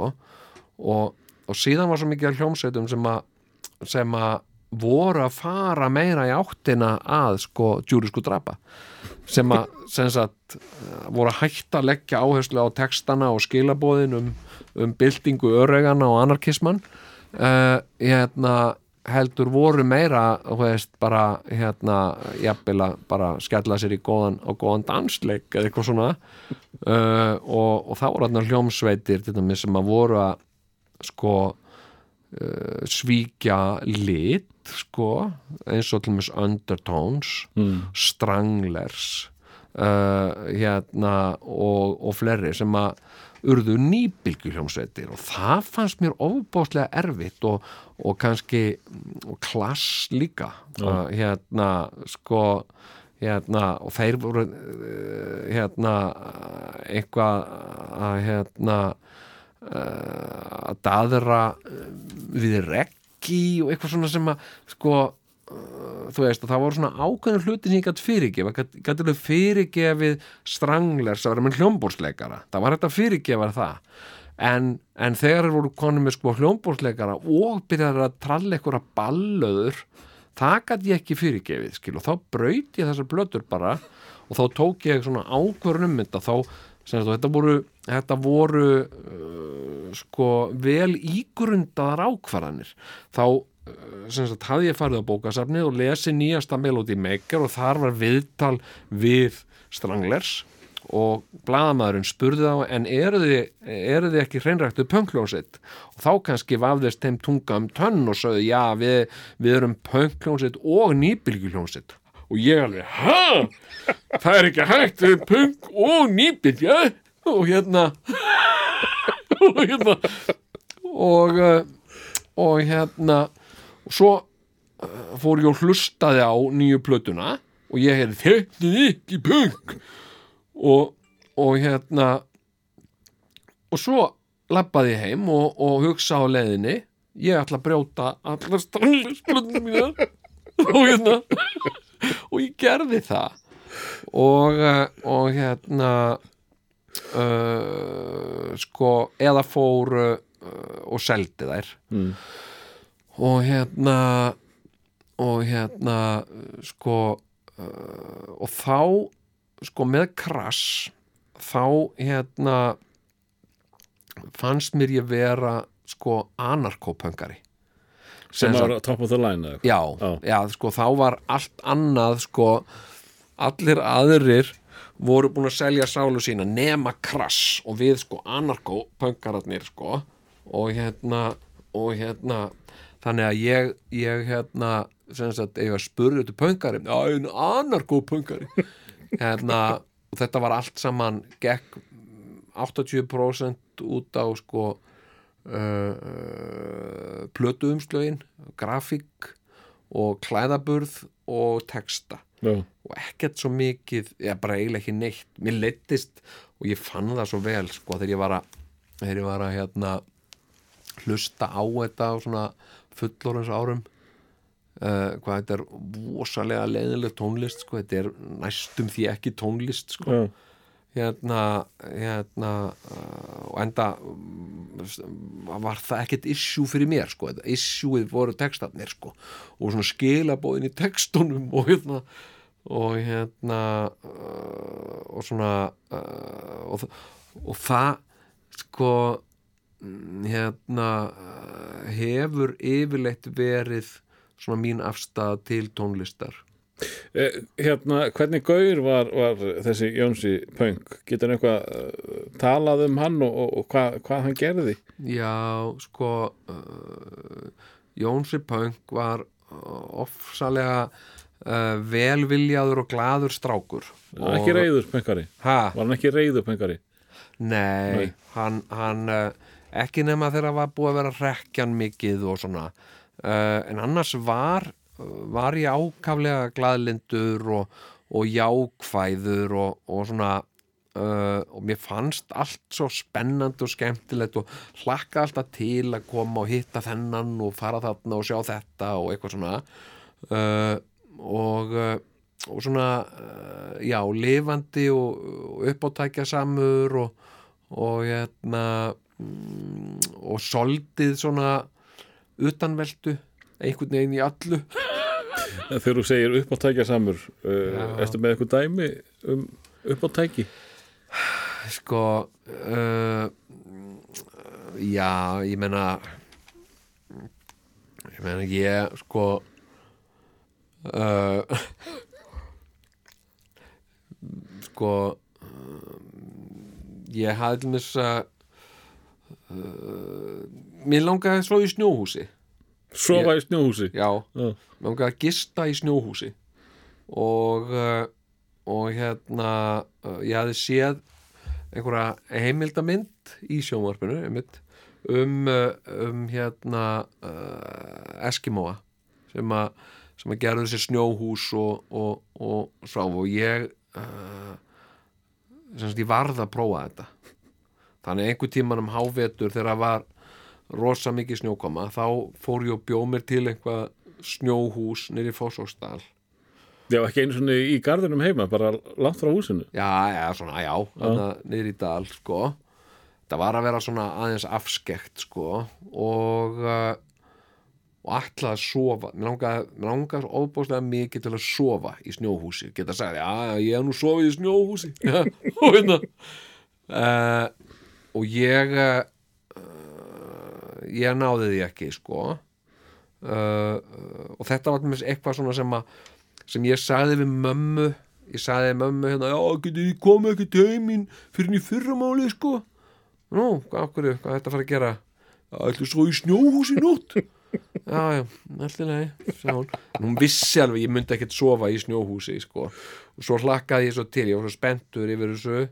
Uh, uh, hérna, annað sem að sem að hérna sko uh, og það er náttúrulega já, ég veit ekki, meina ég uh, sko átti dóti mitt dóti mitt var í einhverjum svona kassa hérna og uh, uh, Actionman og, og Lego. Og hérna og mér fannst þú að gaman að að hérna að í það. Og svo fannst mér mjög róandi og það einhvern veginn hreinsaði hugan fyrir mig að spila útvegsspilið við sjálfum mig. Hérna. Og uh, hérna og uh, sko en svona síðan voru svona uppátæki uh, svona hérna uh, sem ég held að sé nú bara svona eins og hjá strákum sko, já, þú veist að, að hérna að gera eitthvað svona uh, eitthvað sem að einhverjum geti þótt hættulegt eða eitthvað svona og uh, uh, klifra í stillönsum og, og hérna uh, og eitthvað svoleiði sko já Eh, En hérna þegar þú sko erst eh, orðin úlningur og, og, og, og eh, ferð á, á, út á vinnumarkaði, þú fer ekki framhaldsskóla byndi það? Nei, ég hérna ég uh, sko kláraði þarna skildu námið á núbi og uh, kem síðan í bæinn og uh, uh, mm, þá var ég nú orðin svolítið svona um, tindur myndi ég segja. Já, ég hérna mm, ég kem í, kem í bæinn þetta er 83-84 þann vetur sko og ég uh, hérna uh, vildi bara uh, já ég vildi nú bara helst svona slæpast sko. Já það, voru þarna einhverjar svaðelfærir á Ísafyrði það ekki? Þeir, þeir Jú. fóru þangað. Við sko það var þannig á núbi að, að sko það var náttúrulega mikið að krökkum þarna úr uh, bæjónum í kring eins og frá Ísafyrði og Flateri og Suðureyri. Já, býta þess já.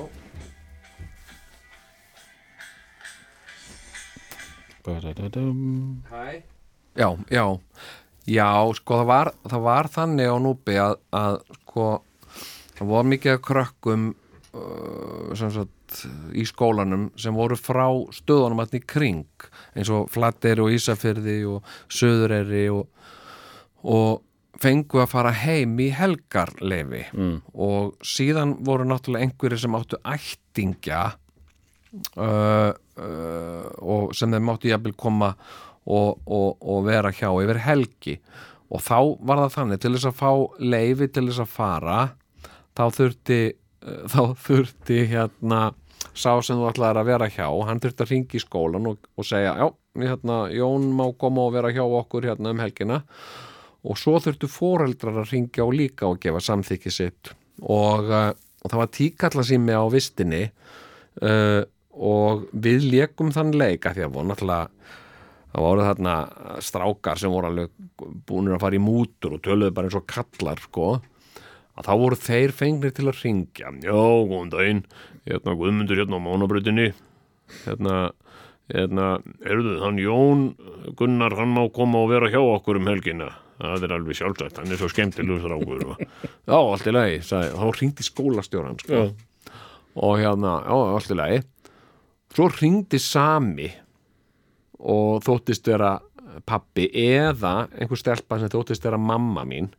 Já, góðan daginn móður hans Jóns herðu, hann var nú búin að byggja um að fá að fara þarna og vera hjá skildmennum okkar þarna á Ísafjörði herðu, það er alveg sjálfsagt, þetta er svo indislegt fólk og, og hérna og hérna og þá sem sagt fekk ég helgarleifi án þess að það væri neitt sko.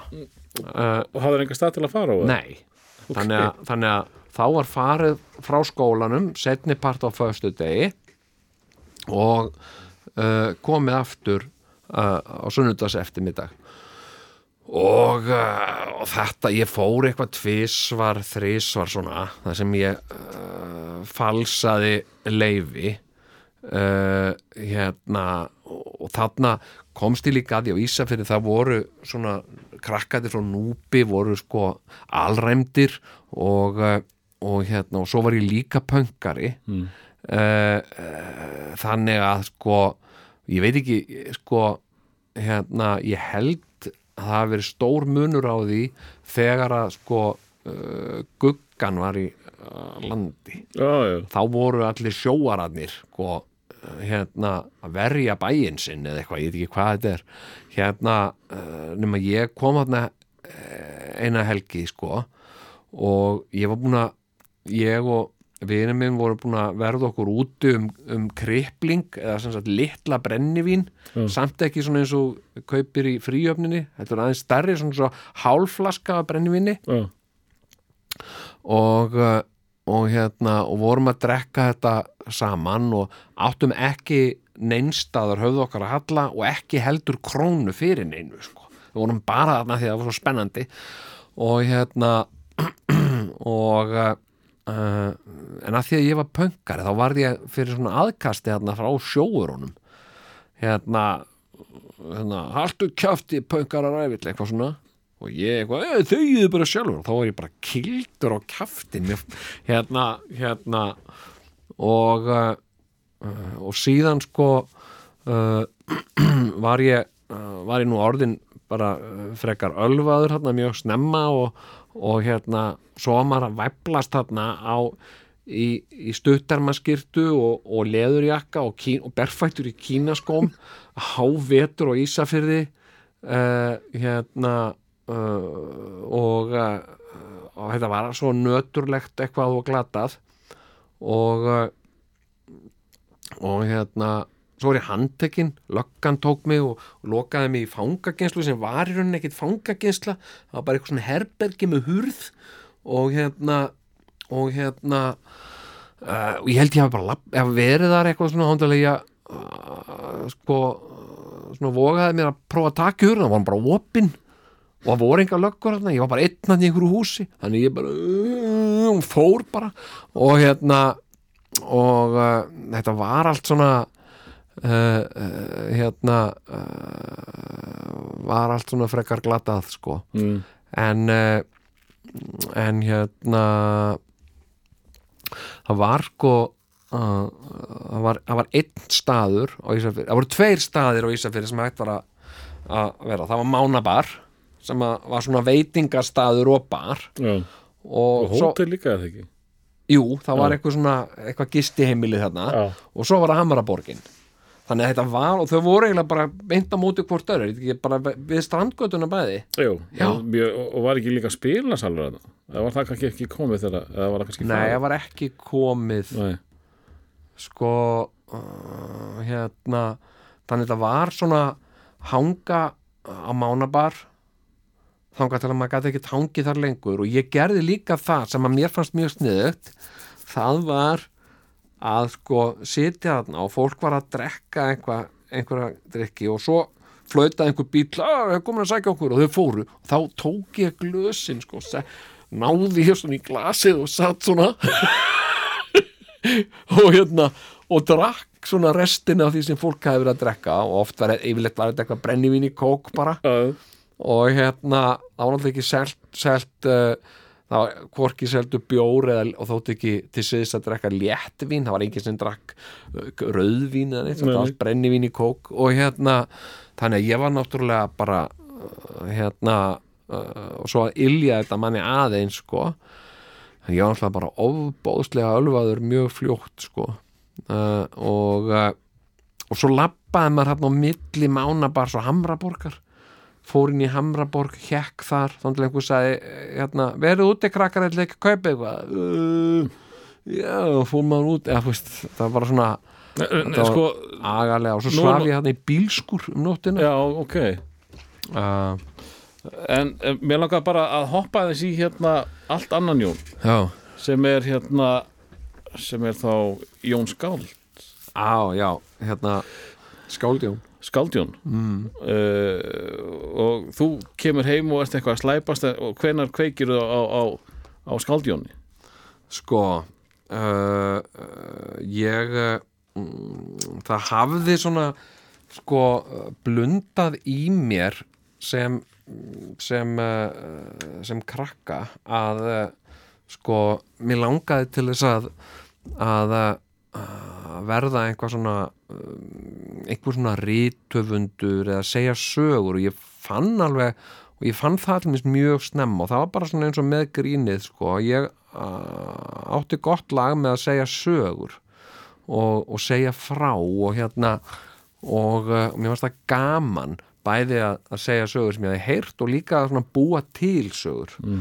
hérna og uh, uh, sko og ég var með stundum fenginn til þess uh, uh, að segja sko hérna uh, sko draugasöguna á svona einhverjum kvöldvökum. Já, já, sem þú varst þá bara að spinna. Já, stundum var það sko, stundum var ég nú að blanda saman tveimur, þremur eða segja eitthvað hérna, já, herbyrgi sem við erum í það vita ekki margir en það var stráku sem hengdi síðan og, og eitthvað svona og, og bjóð til eitthvað á stanum og, og hérna og uh, sko uh, og síðan uh, síðan er það líklega sko með, með áhrifum sko frá, ja, mér, mér fannst alltaf gaman að lesa og, og, og sem, sem batn og úling og las ég með mikið og vildi svona fylgjast með og, og hérna rítöfundum og svona.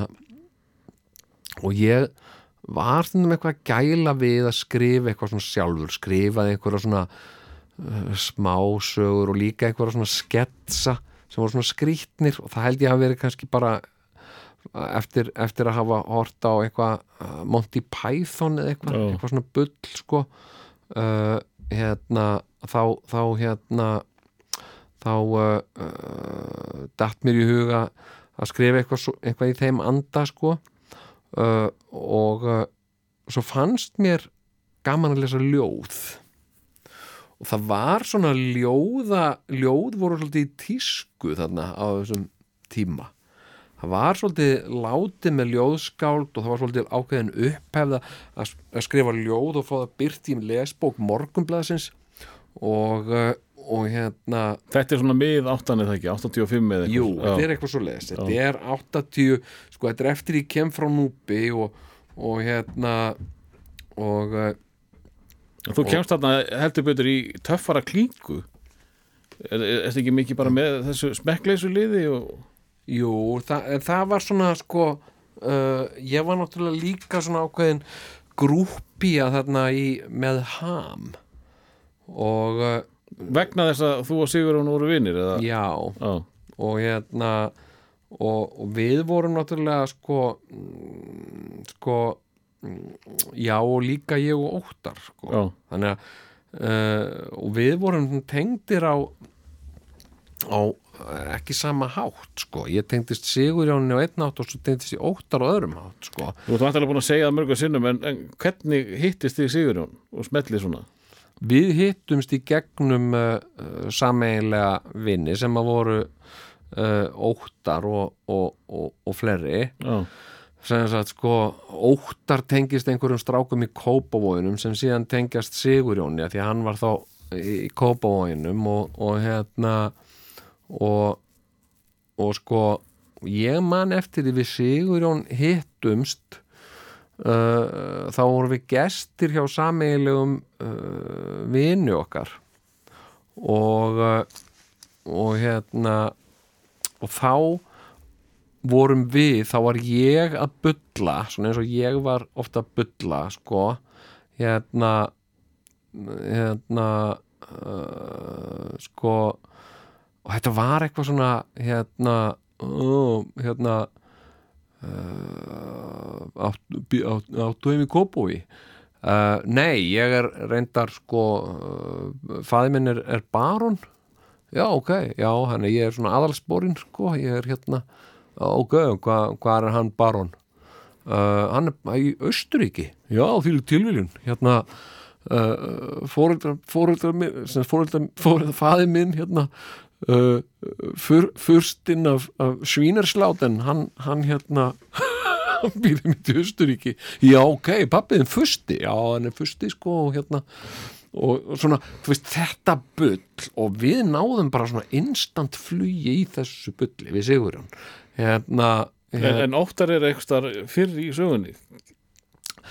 Já, sko, óttar óttar kemur uh, kemur hann kannski með pönkinu sko, hvernig við óttar kynust það er, það, uh, það er á núpi. Já, sem sagt sko þegar ég er á núpi þar uh, kynnist ég strák sem heitir Bjarki og hann er úr Hafnafjörði og uh, Bjarki var svona sérlundaður, svolítið nörd og, og, og hérna og með okkur tókst mikil vinátt á núpi. Síðan uh, þegar við komum í bæinn þá var ég náttúrulega yðjuleysingi mm. ég hérna ég nefndi ekki í skóla uh, ég vissi ég hafði ekkert í skóla að gera og ég nefndi ekki að vinna. Mér langaði bara yðjuleysast og hérna uh, og uh, sko uh, og Bjarki bjóð þannig. Pappans var sjómaður. Hann var alltaf sjónum eða sem sagt var í siglingum. En uh, mammans uh, átti við einhver einhver veikindastríða og var á Reykjalundi þannig að hann var mjög mikið bara einn heima. Já, já. Bjarki. Uh, hérna þannig að sko ég fór mikið að hanga hjá honum og uh, og hérna uh, og þarna þetta var bara svona yðjuleysingja uh, líf. Hérna þarna var þetta vaka á nóttunni og sofa til fjögur og og uh, uh, sko var engir foreldrar eitthvað að röfla í manni.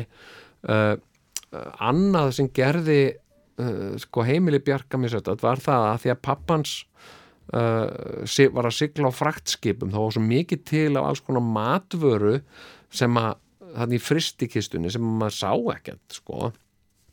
Mjög mikið líka af áfengi sem að sem að hérna var reglulega gaman og geta bara verið einhverju svona línu langsokk lífi uh, eftirlitslaust uh, hérna uh, borðað sko einhverja framandi uh, matrétti og drukkið með því, með því áfengi. Þetta var náttúrulega algjörlega dásanlegt líf. Uh, Bjarki bjó eins og ég sagði hafnarfyrði og hérna og rétt hjá honum bjó óttar. Þeir voru æsku félagar þannig að óttar það voru svona hópur af strákum sem að sótti þarna uh, hérna og ekki bara strákum heldur líka, uh, líka stúlkum uh, og uh, og sem, meðal þessar krakka var óttar og Gunnar Jónsson eða Gussi. Já, já. þeir voru sömu vinakræðsu og þannig kynntist ég þeim. Annar hérna strákur sem var þarna líka var Björn Blöndal. Uh, þeir voru öll svona svipaðri kræðsu sko. Og uh, og hérna uh, og sko síðan voru einhverjir sem að ég hafði kynst að því að svo mikið af pönkurinn sem kom úr Kópavogi. Og þess vegna ég kynst einhverjum strákum í Kópavoginum og og hérna uh, sko og, og það verður til þess að sem sagt, heimsókn hjá vini mínum í Kópavogi hitti ég Sigurjón. Þetta er allt svona eitthvað eh, þetta er eitthvað eitthvað uh, sko svona ein tilvílun sem rekur aðra en, en við fundum það alveg strax við Sigurjón og við áttum mikið skap saman.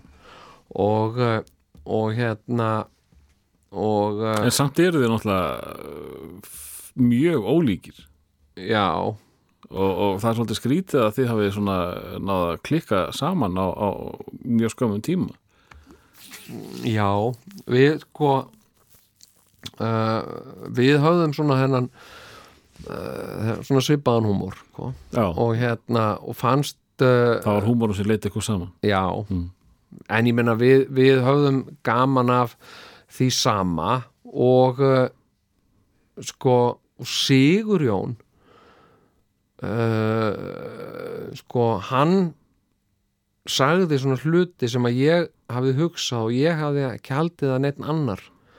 Þú veist, alveg eins og eins og hérna Sigurjón sagði hérna þú veist, við vorum eitthvað að tala um og fórum að tala um grís og Sigurjón sagði grís, bara, já, einmitt bara rosa venjuleg, almennileg stelpa sem að verður ekkert merkilega fyrir hún bara hann hóra. Og ég bara, já, Nákvæmlega. Nákvæmlega.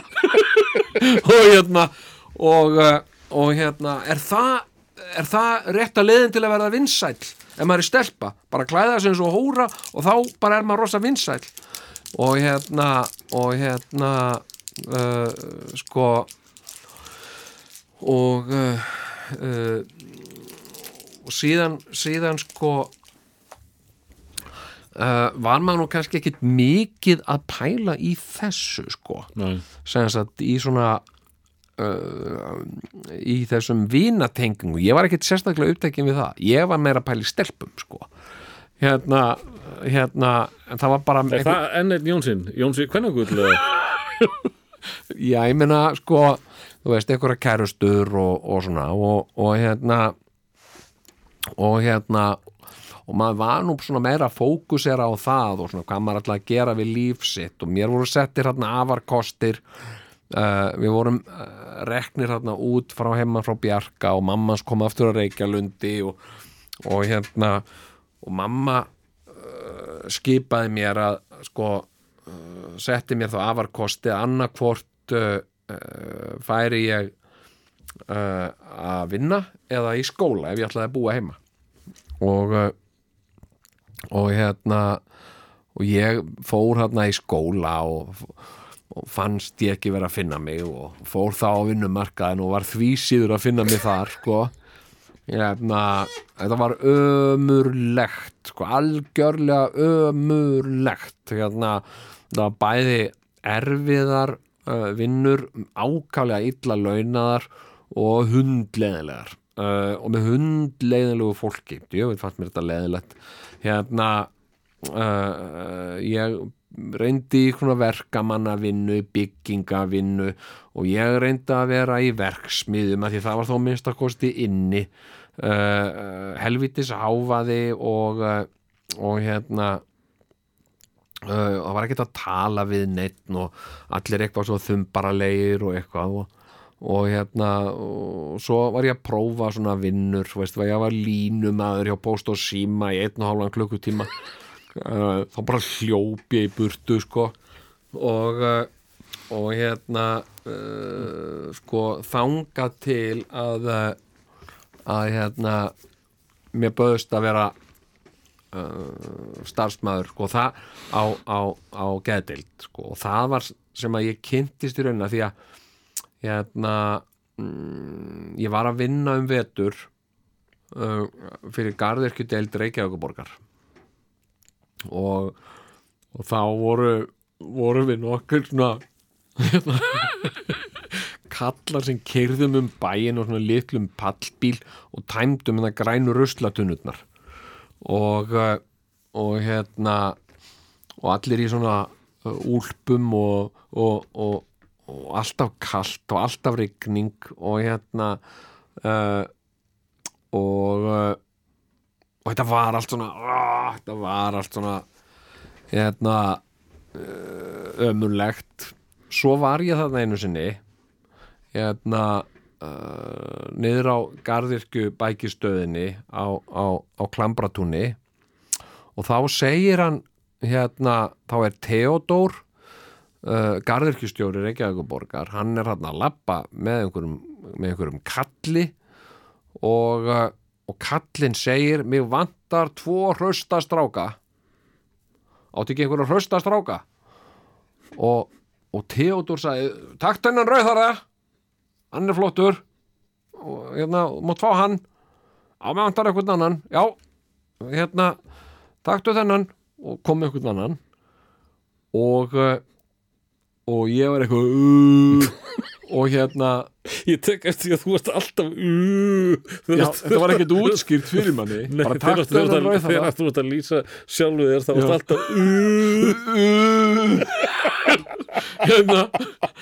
Það er rauðara og, og hérna hann kom hann á Citroen ég aldrei sest inn í Citroen þetta. Er fyrsta skipti sem ég sett í Citroen og hann sagði, já, hérna drullist inn í bíl. Og eitthvað. Og hérna og, og strákurinn sagði mér, veist þú hvert erum við fyrir? Nei, þetta ekki og, og, uh, og hérna og hérna og þá vorum við sagt að vinna á lóð uh, borgarspítalans á Arnarholti upp á Kjalanesi mm. og, uh, og það varð síðan vinnan mín þetta sömarið að vinna þarna upp á Arnarholti í Garðirkjunni og uh, og uh, og þegar að sagt, eins og ég segi, skilu, þetta voru allt strákar sem voru að vinna með mér. Mm. inn á geðdildónum þar voru aðlega stelpur að vinna hérna og uh, það var inni. Já, eldur þú þær? Já, ég sem sagt sko hérna af hverju að vera að vinna úti í rigningu uh, hérna með strákum þegar þú getur bara setið inn í hlíjunni uh, hérna og, og drukki kaffi og kæðjurreikt með stelpum, af hverju? Þetta var ekkert flókið val fyrir mig skilur, ég fór bara uh, hérna og uh, sótti um að komast sem fá að vera starfsmæður hérna og, og ég var ráðinn. Já, og, og mér fannst ég uh, ég sá sæng mína út breyta og, og, Já og þú, ég, varst, þú varst loksins ánaður í starfi? Já, Já, sem sagt uh, ég var að vinna inni uh, hérna með sætum stelpum? Með sætum stelpum og og hérna Gast reykt Og gast reykt eins og þú vildir. Já, ég mátti reykja það inni sko. og hérna og hérna, og þetta var ekki neitt erfitt, maður var, var ekki drullugur þarna, maður bara aðalega svona farið í göngutúra og mér fannst þetta æðislegt. Og hérna uh, og ég framhaldi af þessu og fekk ég vinnu á góðbóksæli og uh, og hérna Það sem þú svindlar á kerfinu. Já, ég gerði það. Ég, ég hérna það var ofbóðsleg mannekla. Vantaði svo mikið fólk til þess að vinna á gæteldum og við unnmönnunarstörf og það var alltaf verið að byggja mig um að taka næturvaktir eða aukavaktir. Og, uh, og ég hérna mér datt það snildar á því hug að lækka starfshlutfalli mitt niður í 40% en vinna síðan allt yfirvinnu. Og, og hérna þá var ég bara kannski að vinna einhverja tvo daga í viku. En svo vann ég sko alltaf tvær vaktir okkur einasta degi. Já, ég vann sko og stundum þrjár stundum vann ég sko mætti á morgunvakt og fór beint á kvöldvakt. Og svo sett ég mig á aukavaktarlista á geðdeldum landsbyttalans þegar ég var á af því að og fórst þanga líka? Ha, Og fórst þanga líka? Já. Hérna sem sagt, og þá gerðist það stundum að ég var að vinna á Kópavóksæli morgunvakt og svo beint á kvöldvakt og fór beint á kvöldvakt og nætuvakt á landsbyttanum þannig ég var að vinna þrjár samfeldavaktir allar á 45% yfirvinnuálagi. Uh, hérna og, uh, og þetta var til þess að ég var kallaður í viðtal við einhver deildarstjóra og launa til landsbyttalans sem svona uh, óbeint saði mér að, að landsbítalinn myndi kæra mig ef ég myndi halda þess áfram. Og hérna En Hvað gekk þetta lengi? þetta gekk alveg í 2-3 mánuð og ég skal segja þér það ég hef aldrei á æfinni uh, verið á jafn góðum laun ég hérna sko ég, mér leið eins og ég væri að uh, sko þetta, þetta var bara eins og velstjóra hlutur sko, góðum túr skilur, þetta var bara svaka leir peningar og hérna og þetta lifði ég eins og kongur sko. Uh, hérna og, uh, og það sem að gerðist líka sem sagt þarna á Kópavóksæli að, að það var annar félagi mín sem hafði uppgötta nákvæmlega það sama og ég að, að hérna þetta var líklega svona þægilegasta innivinnan sem að svona lúðum eins og okkur stóð til bóða það var Sigurjón Kjartansson því hann var líka að vinna hann á Kópavóksæli og... Fóruð þið ekki þarna saman inn? Voruð ekki að rótt ykkur saman um að sko hvort gott ef að jú, hann var að vinna á Kópavóksæli og hérna og hérna og hafði hérna sko uh, ég ég hætti á Arnarholti uh, hérna uh, og þarna var líka sko uh, bæði bæði þarna einhver kvennamál hérna mikið, mikið sætum stelpum og, og hérna sem eiga á það til að flækja málin og eitthvað svona mm. nema Sigurjón var að vinna hérna á á Kópahúsæri og þá vorum við nýbúinir að kynnast því að við vorum við hérna hérna ég held að var, það var á þeim tíma þegar ég held að Sigurjón hitti Kristján. Og hérna og ég var að segja öllum frá þessum frábæra strák hérna, hérna Kristján. Að hörta meina Sigurjón. Nei, nei, nei, nei Kristján.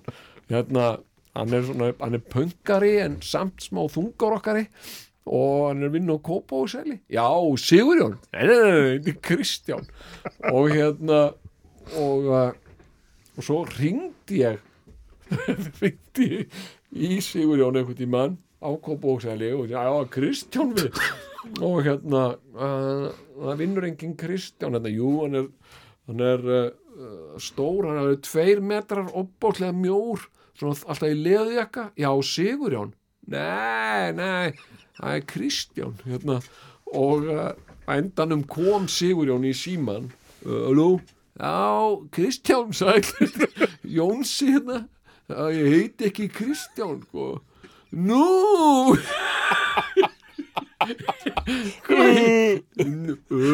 Nú hérna nei, ég, við vorum búin að þekkjast alveg í öruglega ár ég, áður en að ég fatt að hann hitti Sigurjón og, hérna uh, og uh, sko uh, þarna sko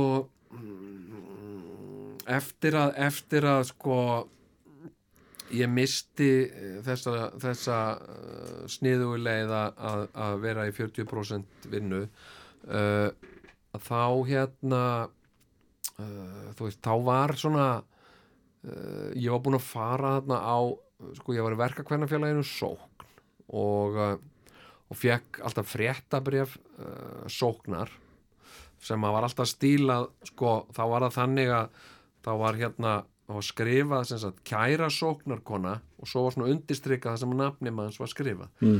og, og ég var alltaf hérna kæra sóknarkona Jón Gunnar Kristinsson uh, og ég á búin að fara á kjarnanámskeið sóknar sem sagt kjarnanámskeið 1, 2 og 3 uh, hérna uh, búin að læra búum rúm, búin að læra skúra og búin að læra sagt að, að, að setja upp bekken og, og eitthvað svona. Já. og lengra var það ekki komist þarna í þessum bransa sko. Og og þetta var náttúrulega ofbóðslega uh, illa, illa launað og, og já, þegar bara, þetta var eðlilegt þegar þú varst ekki að svindla á kerfinu já, Já. þetta var bara alveg opbóðslega illa, illa launað og hérna uh, og maður var svona að reyna að sko ég á nú bara 19 ára þegar ég eignast mitt fyrsta batn og komin hérna í sambúð og, og maður einhvern veginn er að reka einhverja bíldruslu og, og, og, og bara gera þessa hluti sem að, uh, sem að fólk gerir. Og uh, uh, og þá vildi það þannig til sko, ég og Sigurjón þegar að við áttum áttum frí þá vorum við ofta bralla alls konar. Við vorum að við vorum í, með kvikmyndaklúb við vorum að uh, gera myndir. Hérna Er það til? það er eitthvað til að því á Sigurjón á þetta. Já, það var myndin hérna álversmenguðu djöflarnir. Við gerðum hana. Svo gerðum við hýra morðingjan uh, og uh, hún var sínd uh, á kvikmyndaháttið uh, á Hotel Borg og það kviknaði í filmunni.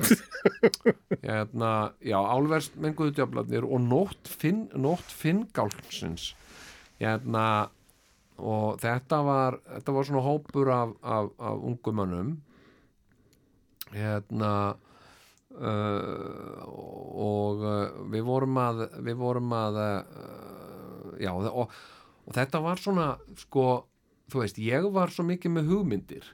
Dett í hug og svona, ég vissi ekkert ég, ég vissi ekkert um, þú veist uh, svona tæknilegar útfæslur nei uh, Sigurjón var ekki bara með hugmyndir hann var líka með tæknilegar útfæslur hann vissi hvernig svona myndavél virkaði. Ég kunni ekki svona taka ljósmynd skilur. ég bara hérna, sá þetta ekki í svona samhengi sko, mér varst ofsalega gaman að- að að vera með í þessu. Síðan þetta var svona vina kreðsa sko, og Greinir, og, og svona skapandi kreðsa þetta var mjög skapandi fannst, við vorum alltaf eitthvað veist, og svo var ég líka sko að því að Sigurjón og Óttar það var eitthvað sem ég vissi ekkit um Óttar að hann væri svo mikið tónlistamæður svo var allt innu bara komin í hérna hljómsveitin Ham og mér var ekkit búið að vera með í því. Og, og hérna Þrátt fyrir að hafa verið í merkilegri sveit Já, árum áður? og hérna og uh, en, en ég var að finna eitthvað veist, fyrir mig að gera veist, og því gæti ekki verið í hljómsveit og ég gæti að minnst ástu verið eitthvað skáld og, og, og, og saman tengdumst við síðan smekkleysu hópnum og, hérna sem var alveg rosa hipp og cool hópur og, hérna og hérna og það var sko uh, það voru sigumólarnir slá í gegn með, með ammæli og, uh, og hérna og allt í einu einhvern íslenski krakkar orðnir heimsfrægir og, og hérna og það myndaði mér Melody Maker þar sem að ég hafði, þú veist alltaf lesið Melody Maker alltaf hún er bara, hérna, Vinið bara fórsíðu já. Já, Melody Maker og, og sko auðvitað var þetta allt svo framandi og merkilegt og, og hérna uh, og ég fekk að vera svona skáld, svona smekkleisu skáld eitthvað og, og hérna uh, og Sigurjón og, og, og, og Ham og svona, þeir voru svona hljómsveit og, og hérna mm, og sko uh, síðan voru náttúrulega þessi partí og þetta var náttúrulega opbóðslega mikið uh, grín og, og, og hérna og sigumólarnir voru náttúrulega voða mikið grín já, með alls konar svona uh, sprell og Já, flip og svona. Og mér leittist það nú ekki nei. að vera með í því.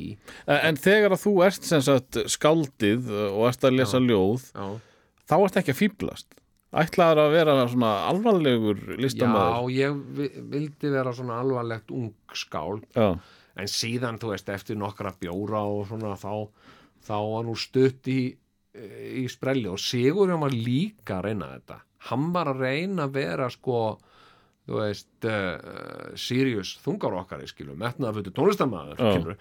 en síðan sko hérna uh, síðan sko þegar að, þegar að sko í partíinu eftir sko þá hérna uh, þá tróði ég skilur closet pappir undir varirnar á mér og, og hérna og hérna ungskáldi góða. Já. Já, og uh, hérna og uh, og lappandi um á milli fólks. Hérna, hérna maður bjóða því þið fræðir sem ég er svo krypt má, má, bjá, má bjá þeirra það sem Jésu Krist. Veistu að Jésu Kristu dó fyrir syndi sína. Og hérna og þetta var náttúrulega eitthvað fólk sem að ég hafði svolítið hérna uh, sko kynst á þessum vinnustöðum sem ég hafði verið á. Já. bæði í hampiðinu og geðdeltanum og hérna og hver er tilbúin að taka með Jésu Kristi hérna í lífi sín. Einn, tveir og hver er tilbúin til að taka með Jésu Kristi. Fólki fannst þetta ógæðslega fyndið sko. Og hérna og, og svo var ég að sitja þarna búin að tróða ofsa mikið klósitpapir undir, undir vörina og svo var einhverjir að koma einhverjir sem að vissi ekkert hver þú var já, ég vissi ekki hver ég var en fannst rosa merkilegt að heita Björk og, og, voru svona, og ég satt við hlýðin og Björk með svona útróði hérna vörina og hérna og svo komið þau hérna, ó, þetta var bara virkilega góðu tónleikar. Og segja eitthvað, já, takk fyrir það. Vissi þú að Kristu dó fyrir syndi sína og hérna og hérna, og allir sprungur hlátri og svona, og svo vorum við Sigurjón að gera svona böll Mm. og hérna, og við byrjuðum að þú veist, Sigurjón var að hérna, var þarna í einhverju sprelligrinni með skara skrýpó og, og þeir voru að gera hérna uh, Sódóma Reykjavík Já. og, og uh, komst þú ekki til greina þar ég, ég, þá, það, það var á Volvo tímabilinu sko. sem, já þau varst út í Svíþjóð já, Já, var ekki já. sviðjóð sko. og það var náttúrulega sko, þetta, eru, þetta eru tvö ólík líf þarna var ég sagt, að reyna að borga leigu og reka bíl já, uh, og eiga kærustu og batn og eitthvað og hitt var meira uh, svona partilíf Já. sko.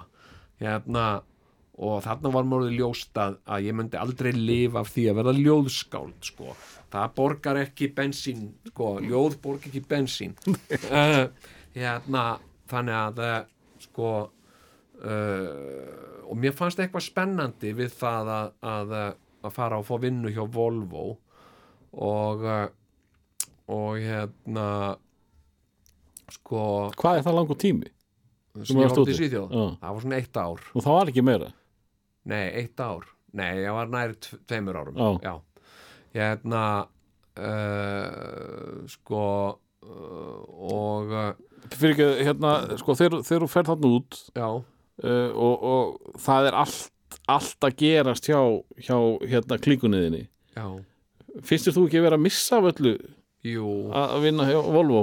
Jú, en ég var að reyna að standa mig sko, vera Hérna- heimilisfæðir og, og, og, og væta já. Já, og hérna sko og síðan kem ég sko uh, aftur heim þarna frá Volvo og þú veist og þá var líka, þá var búin að vera samdráttur hjá Volvo og þeir voru að segja upp fólki og eitthvað svona og, og, og hérna uh, þá kom maður aftur heim og uh, og svona þú veist, þetta er svona mikið mikið hark. Já, og hérna og ég var að reyna, þú veist, að klára einhverjar einingar hérna í mentaskóla og, og, og vinna myrkran á milli og geðdeltunum, beint á geðdeltunar aftur, sko. Já, og og, og ég, allt, allt djammið, sko, sem að ég var búin að missa af hérna, uh, skilur allt sigurmóla uh, skara skrýpó uh, ham, hamið djammið. og, só, og sódóman og Já, allt pastíð já,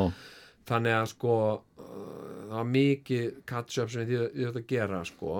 Og, og svo maður að vinna þú veist, tvöfaldar vaktir uh, uh, og síðan að, hérna að hlaupa af geðdeldinni og á kaffigest hérna eða einhvern af þessum uh, stöðum þarna á laugaveginum til að hitta einhverja og, og, og, svona gaman og ég og Sigur án að rifja upp einhverja takta og, og hérna og ég aftur að tróða klósettpapír upp í mig og, og hérna Visti þú að Jésu Kristu dó fyrir syndi sína hérna hérna uh, uh, sko uh, og þá kemur sko, þarna, þarna fekk ég líka annað.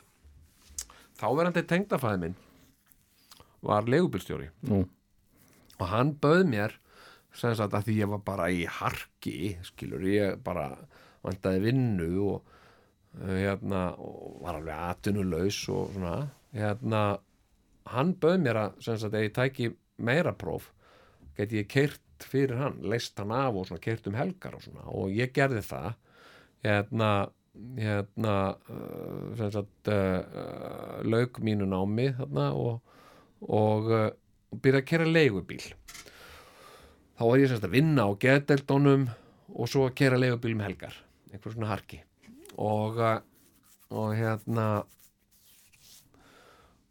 þá fekk ég símdal hérna frá uh, Toyota umbóðinu í Kóbói sem var að byggja mig um að skemmta á ársátíð Toyota. Og ég var alveg bara, ég aldrei fengið svona símtal og ég eitthvað svona að skemmt, já nei ég er nú ekki, ekkert að gera það. Þá sagði þessi maður, já ég, hérna, ég var í í partíinu þarna í þrítugsammalinu þar sem þú og Sigurjón voruð að gera þetta og hitt og eitthvað og þú varst, með, varst að tala um hérna Jésu Krist og, og ég, hérna, já, já, já, þetta er nú bara svona djók sko sem við höfum verið með sko. Já, já, en væri ekki til í að koma og hérna lefa okkur aðeins að sjá þetta, þetta hjá Toyota? Og ég eitthvað, næ, ég mitt að hljóma bara alls ekki vel.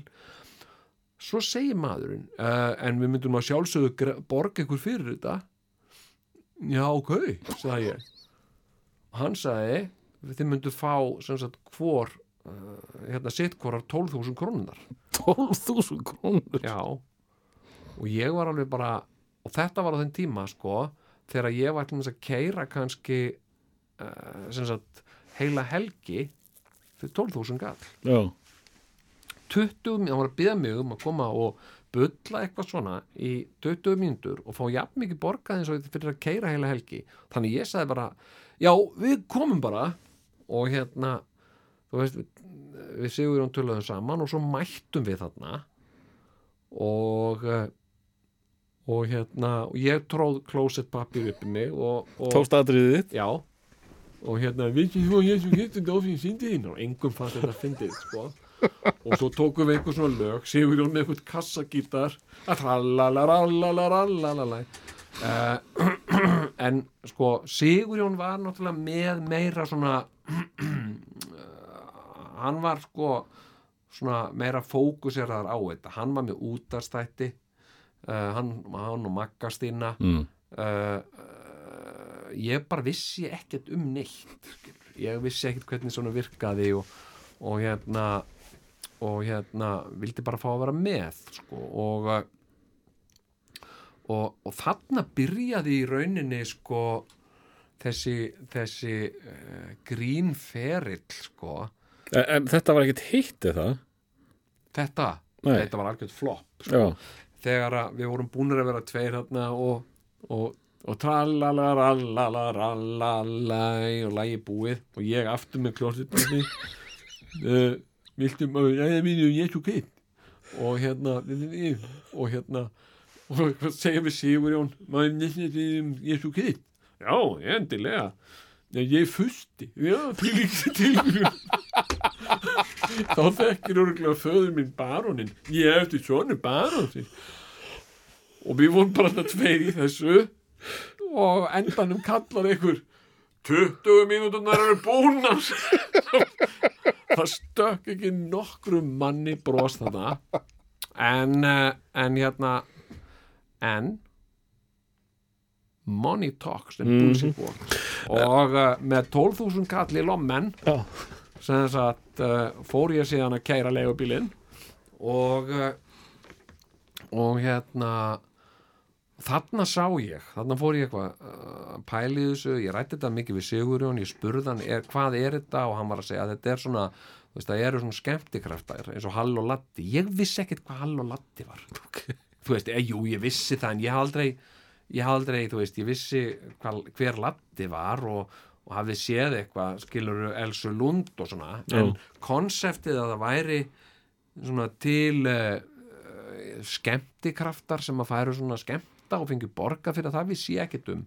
Sigur náttúrulega hafi séð það oft sko á Ísafyrði og einhverjum þorrablótum og eitthvað. Og hérna uh, þannig að þetta var bara aldrei neitt option fyrir mig fyrir þarna. Og uh, en þarna kynntist ég þessu og, og, og fór síðan að gefa mig út fyrir að að hérna, að skemmta. Og, uh, og ef ég var spurður eða ef einhverju voru að skemmta eða ég var spurður hvort ég var að skemmta þá sagði ég það, jó og bara mjög mikið að skemmta og, og ég fekk að leika þarna eitthvað auka hlutverk í limbo þáttunum það var eitthvað sem Sigurjón reddaði mér sko og, uh, og Já, varst þú bara að auka? já, já, já. Var þetta ekki bara Radius meets tvíðuði? Nei, nei, nei, nei, þetta var sko þetta var sko radjusbræður voru með þessa þætti og Sigurjón var að leika í þeim en síðan varð hann að fá sér lausan að því að hann var að gera. Hann var með, hann var með svo mörg játn í eldinum sko. Mm. ég hef aldrei verið sko, ég er ekkit svona uh, kannski eins og fólk heldur svona hérna uh, hérna uh, þú veist, með alls konar things going. Það er meira einhvern veginn svona að, að hérna Detti í hendunar að þér. Ha, Að þetta detti svona í hendunar að þér. Já að vera svona með fólki sem er með mörg játn í eldinum og, og hérna uh, Sigurjón var með alls konar uh, uh, sko uh, svona raunhæfar pælingar sko, þú veist, hann var náttúrulega tónlistamæður með sína hljómsveit og, og, og hérna og var svona hérna uh, þú veist, ég var meira sko uh, og þarna var eins og hann, þú veist, hann var bara hann var bara uh, laus og liður, skilur ég var alltaf sko, giftur tveggja barna faðir og leigubílstjóri uh, með, með sko uh, með bara rugl og, og þarna áttaði mig á því sko, sagt, allt þetta rugl mitt sem er sko skilur þetta uh, þessi, þetta, þessi óþólinmæði einbeitingaskortur og einhvern veginn stefnuleysi í lífinu? Fólki fannst það fyndið. Og hérna og eins og þess að ég var að mæta svona og í staðin fyrir að, að segja ja, pa- pabbi minn er baron, já pabbi minn er baron og hérna, hérna já, hérna pabbi minn er fusti, já, hérna, við, hérna eitthvað þetta þvaður og við vorum með eitthvað svona leikþætti hérna, hérna já, já, ég var kom nú aðtiklisverðan sveitabæ hérna í sumar, nú, hvernig sveitabæ verður það, jú, það er hérna það er bóndi sem að heitir uh, hérna uh, hérna upp í Skagafyrði sem heitir Baron von ha ha ha ha ha Ha, heitir hann það? Baron von ha ha ha ha ha Já, hann er nefnilega grínbóndi grínbóndi Hvern... Þegiði, þetta er ekki fyndið hérna. og hérna en eftir að sko Sigurjón bara fór í rokkið og ég einn og sér, þá gat ég ekkert átt svona samræður Nei, hérna uh, uh, eina sem að ég gat í rauninni gert sko, var bara þetta er svolítið merkilegt. Ég var með eitthvað prógram. Hérna oft var þetta bara að koma fram í tímyndur. Og hérna, ég var með eitthvað prógram uh, og einhvern svona brandara sem ég hafði búið til. Svo kom ég hérna upp á svið og hérna, ungum aður hérna sem ætlar að segja hérna nokkur orð. Og hérna og þá var oft eitthvað gerst. Hérna uh, þú veist, ég var að koma á bílnum mínum þarna, búin að finna þetta og þá var búin að fullt af bílum og allir búin að leggja og eitt búin að leggja bara þversum fyrir. Og, uh, og þetta pyrraði mig bara.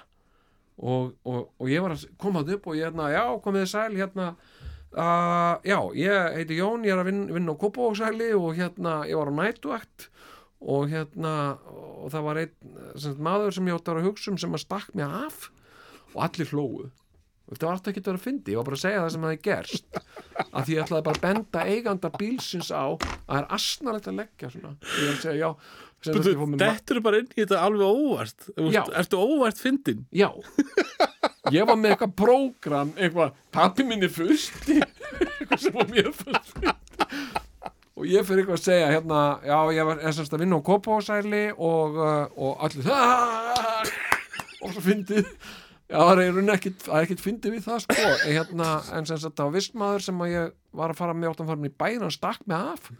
Og, og hljóp út í Kópavók og hljóp bara út í sjó sko, allir skellir hlóðu og ég var að segja, hvað?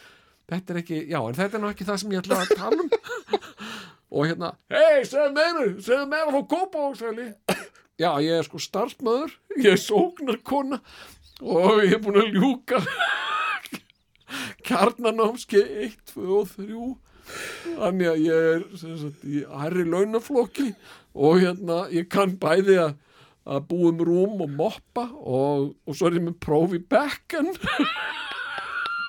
Það var sannleikur og miklu finnari heldur en já, uppistandið og þarna bara byrja sá ég bara fólk grenja hlátur. Ég voru að segja, þetta er ekki fyndið, þetta er bara mitt þetta er minn raunfurleiki og hérna og hérna og uh, og síðan uh, uh, já, síðan ætlaði ég að fara að kvarta yfir sagt uh, því hvernig fólk er lagt. Það verður leiðinlegt, það er tillitslaust og eitthvað svona. En, en hérna og svo bara sé ég allt í einu, ég er eitthvað þarna ég man ekki eins og hvað þetta var. Og svo er ég bara eitthvað þarna og þá er bara einhver maður að benda á klukk.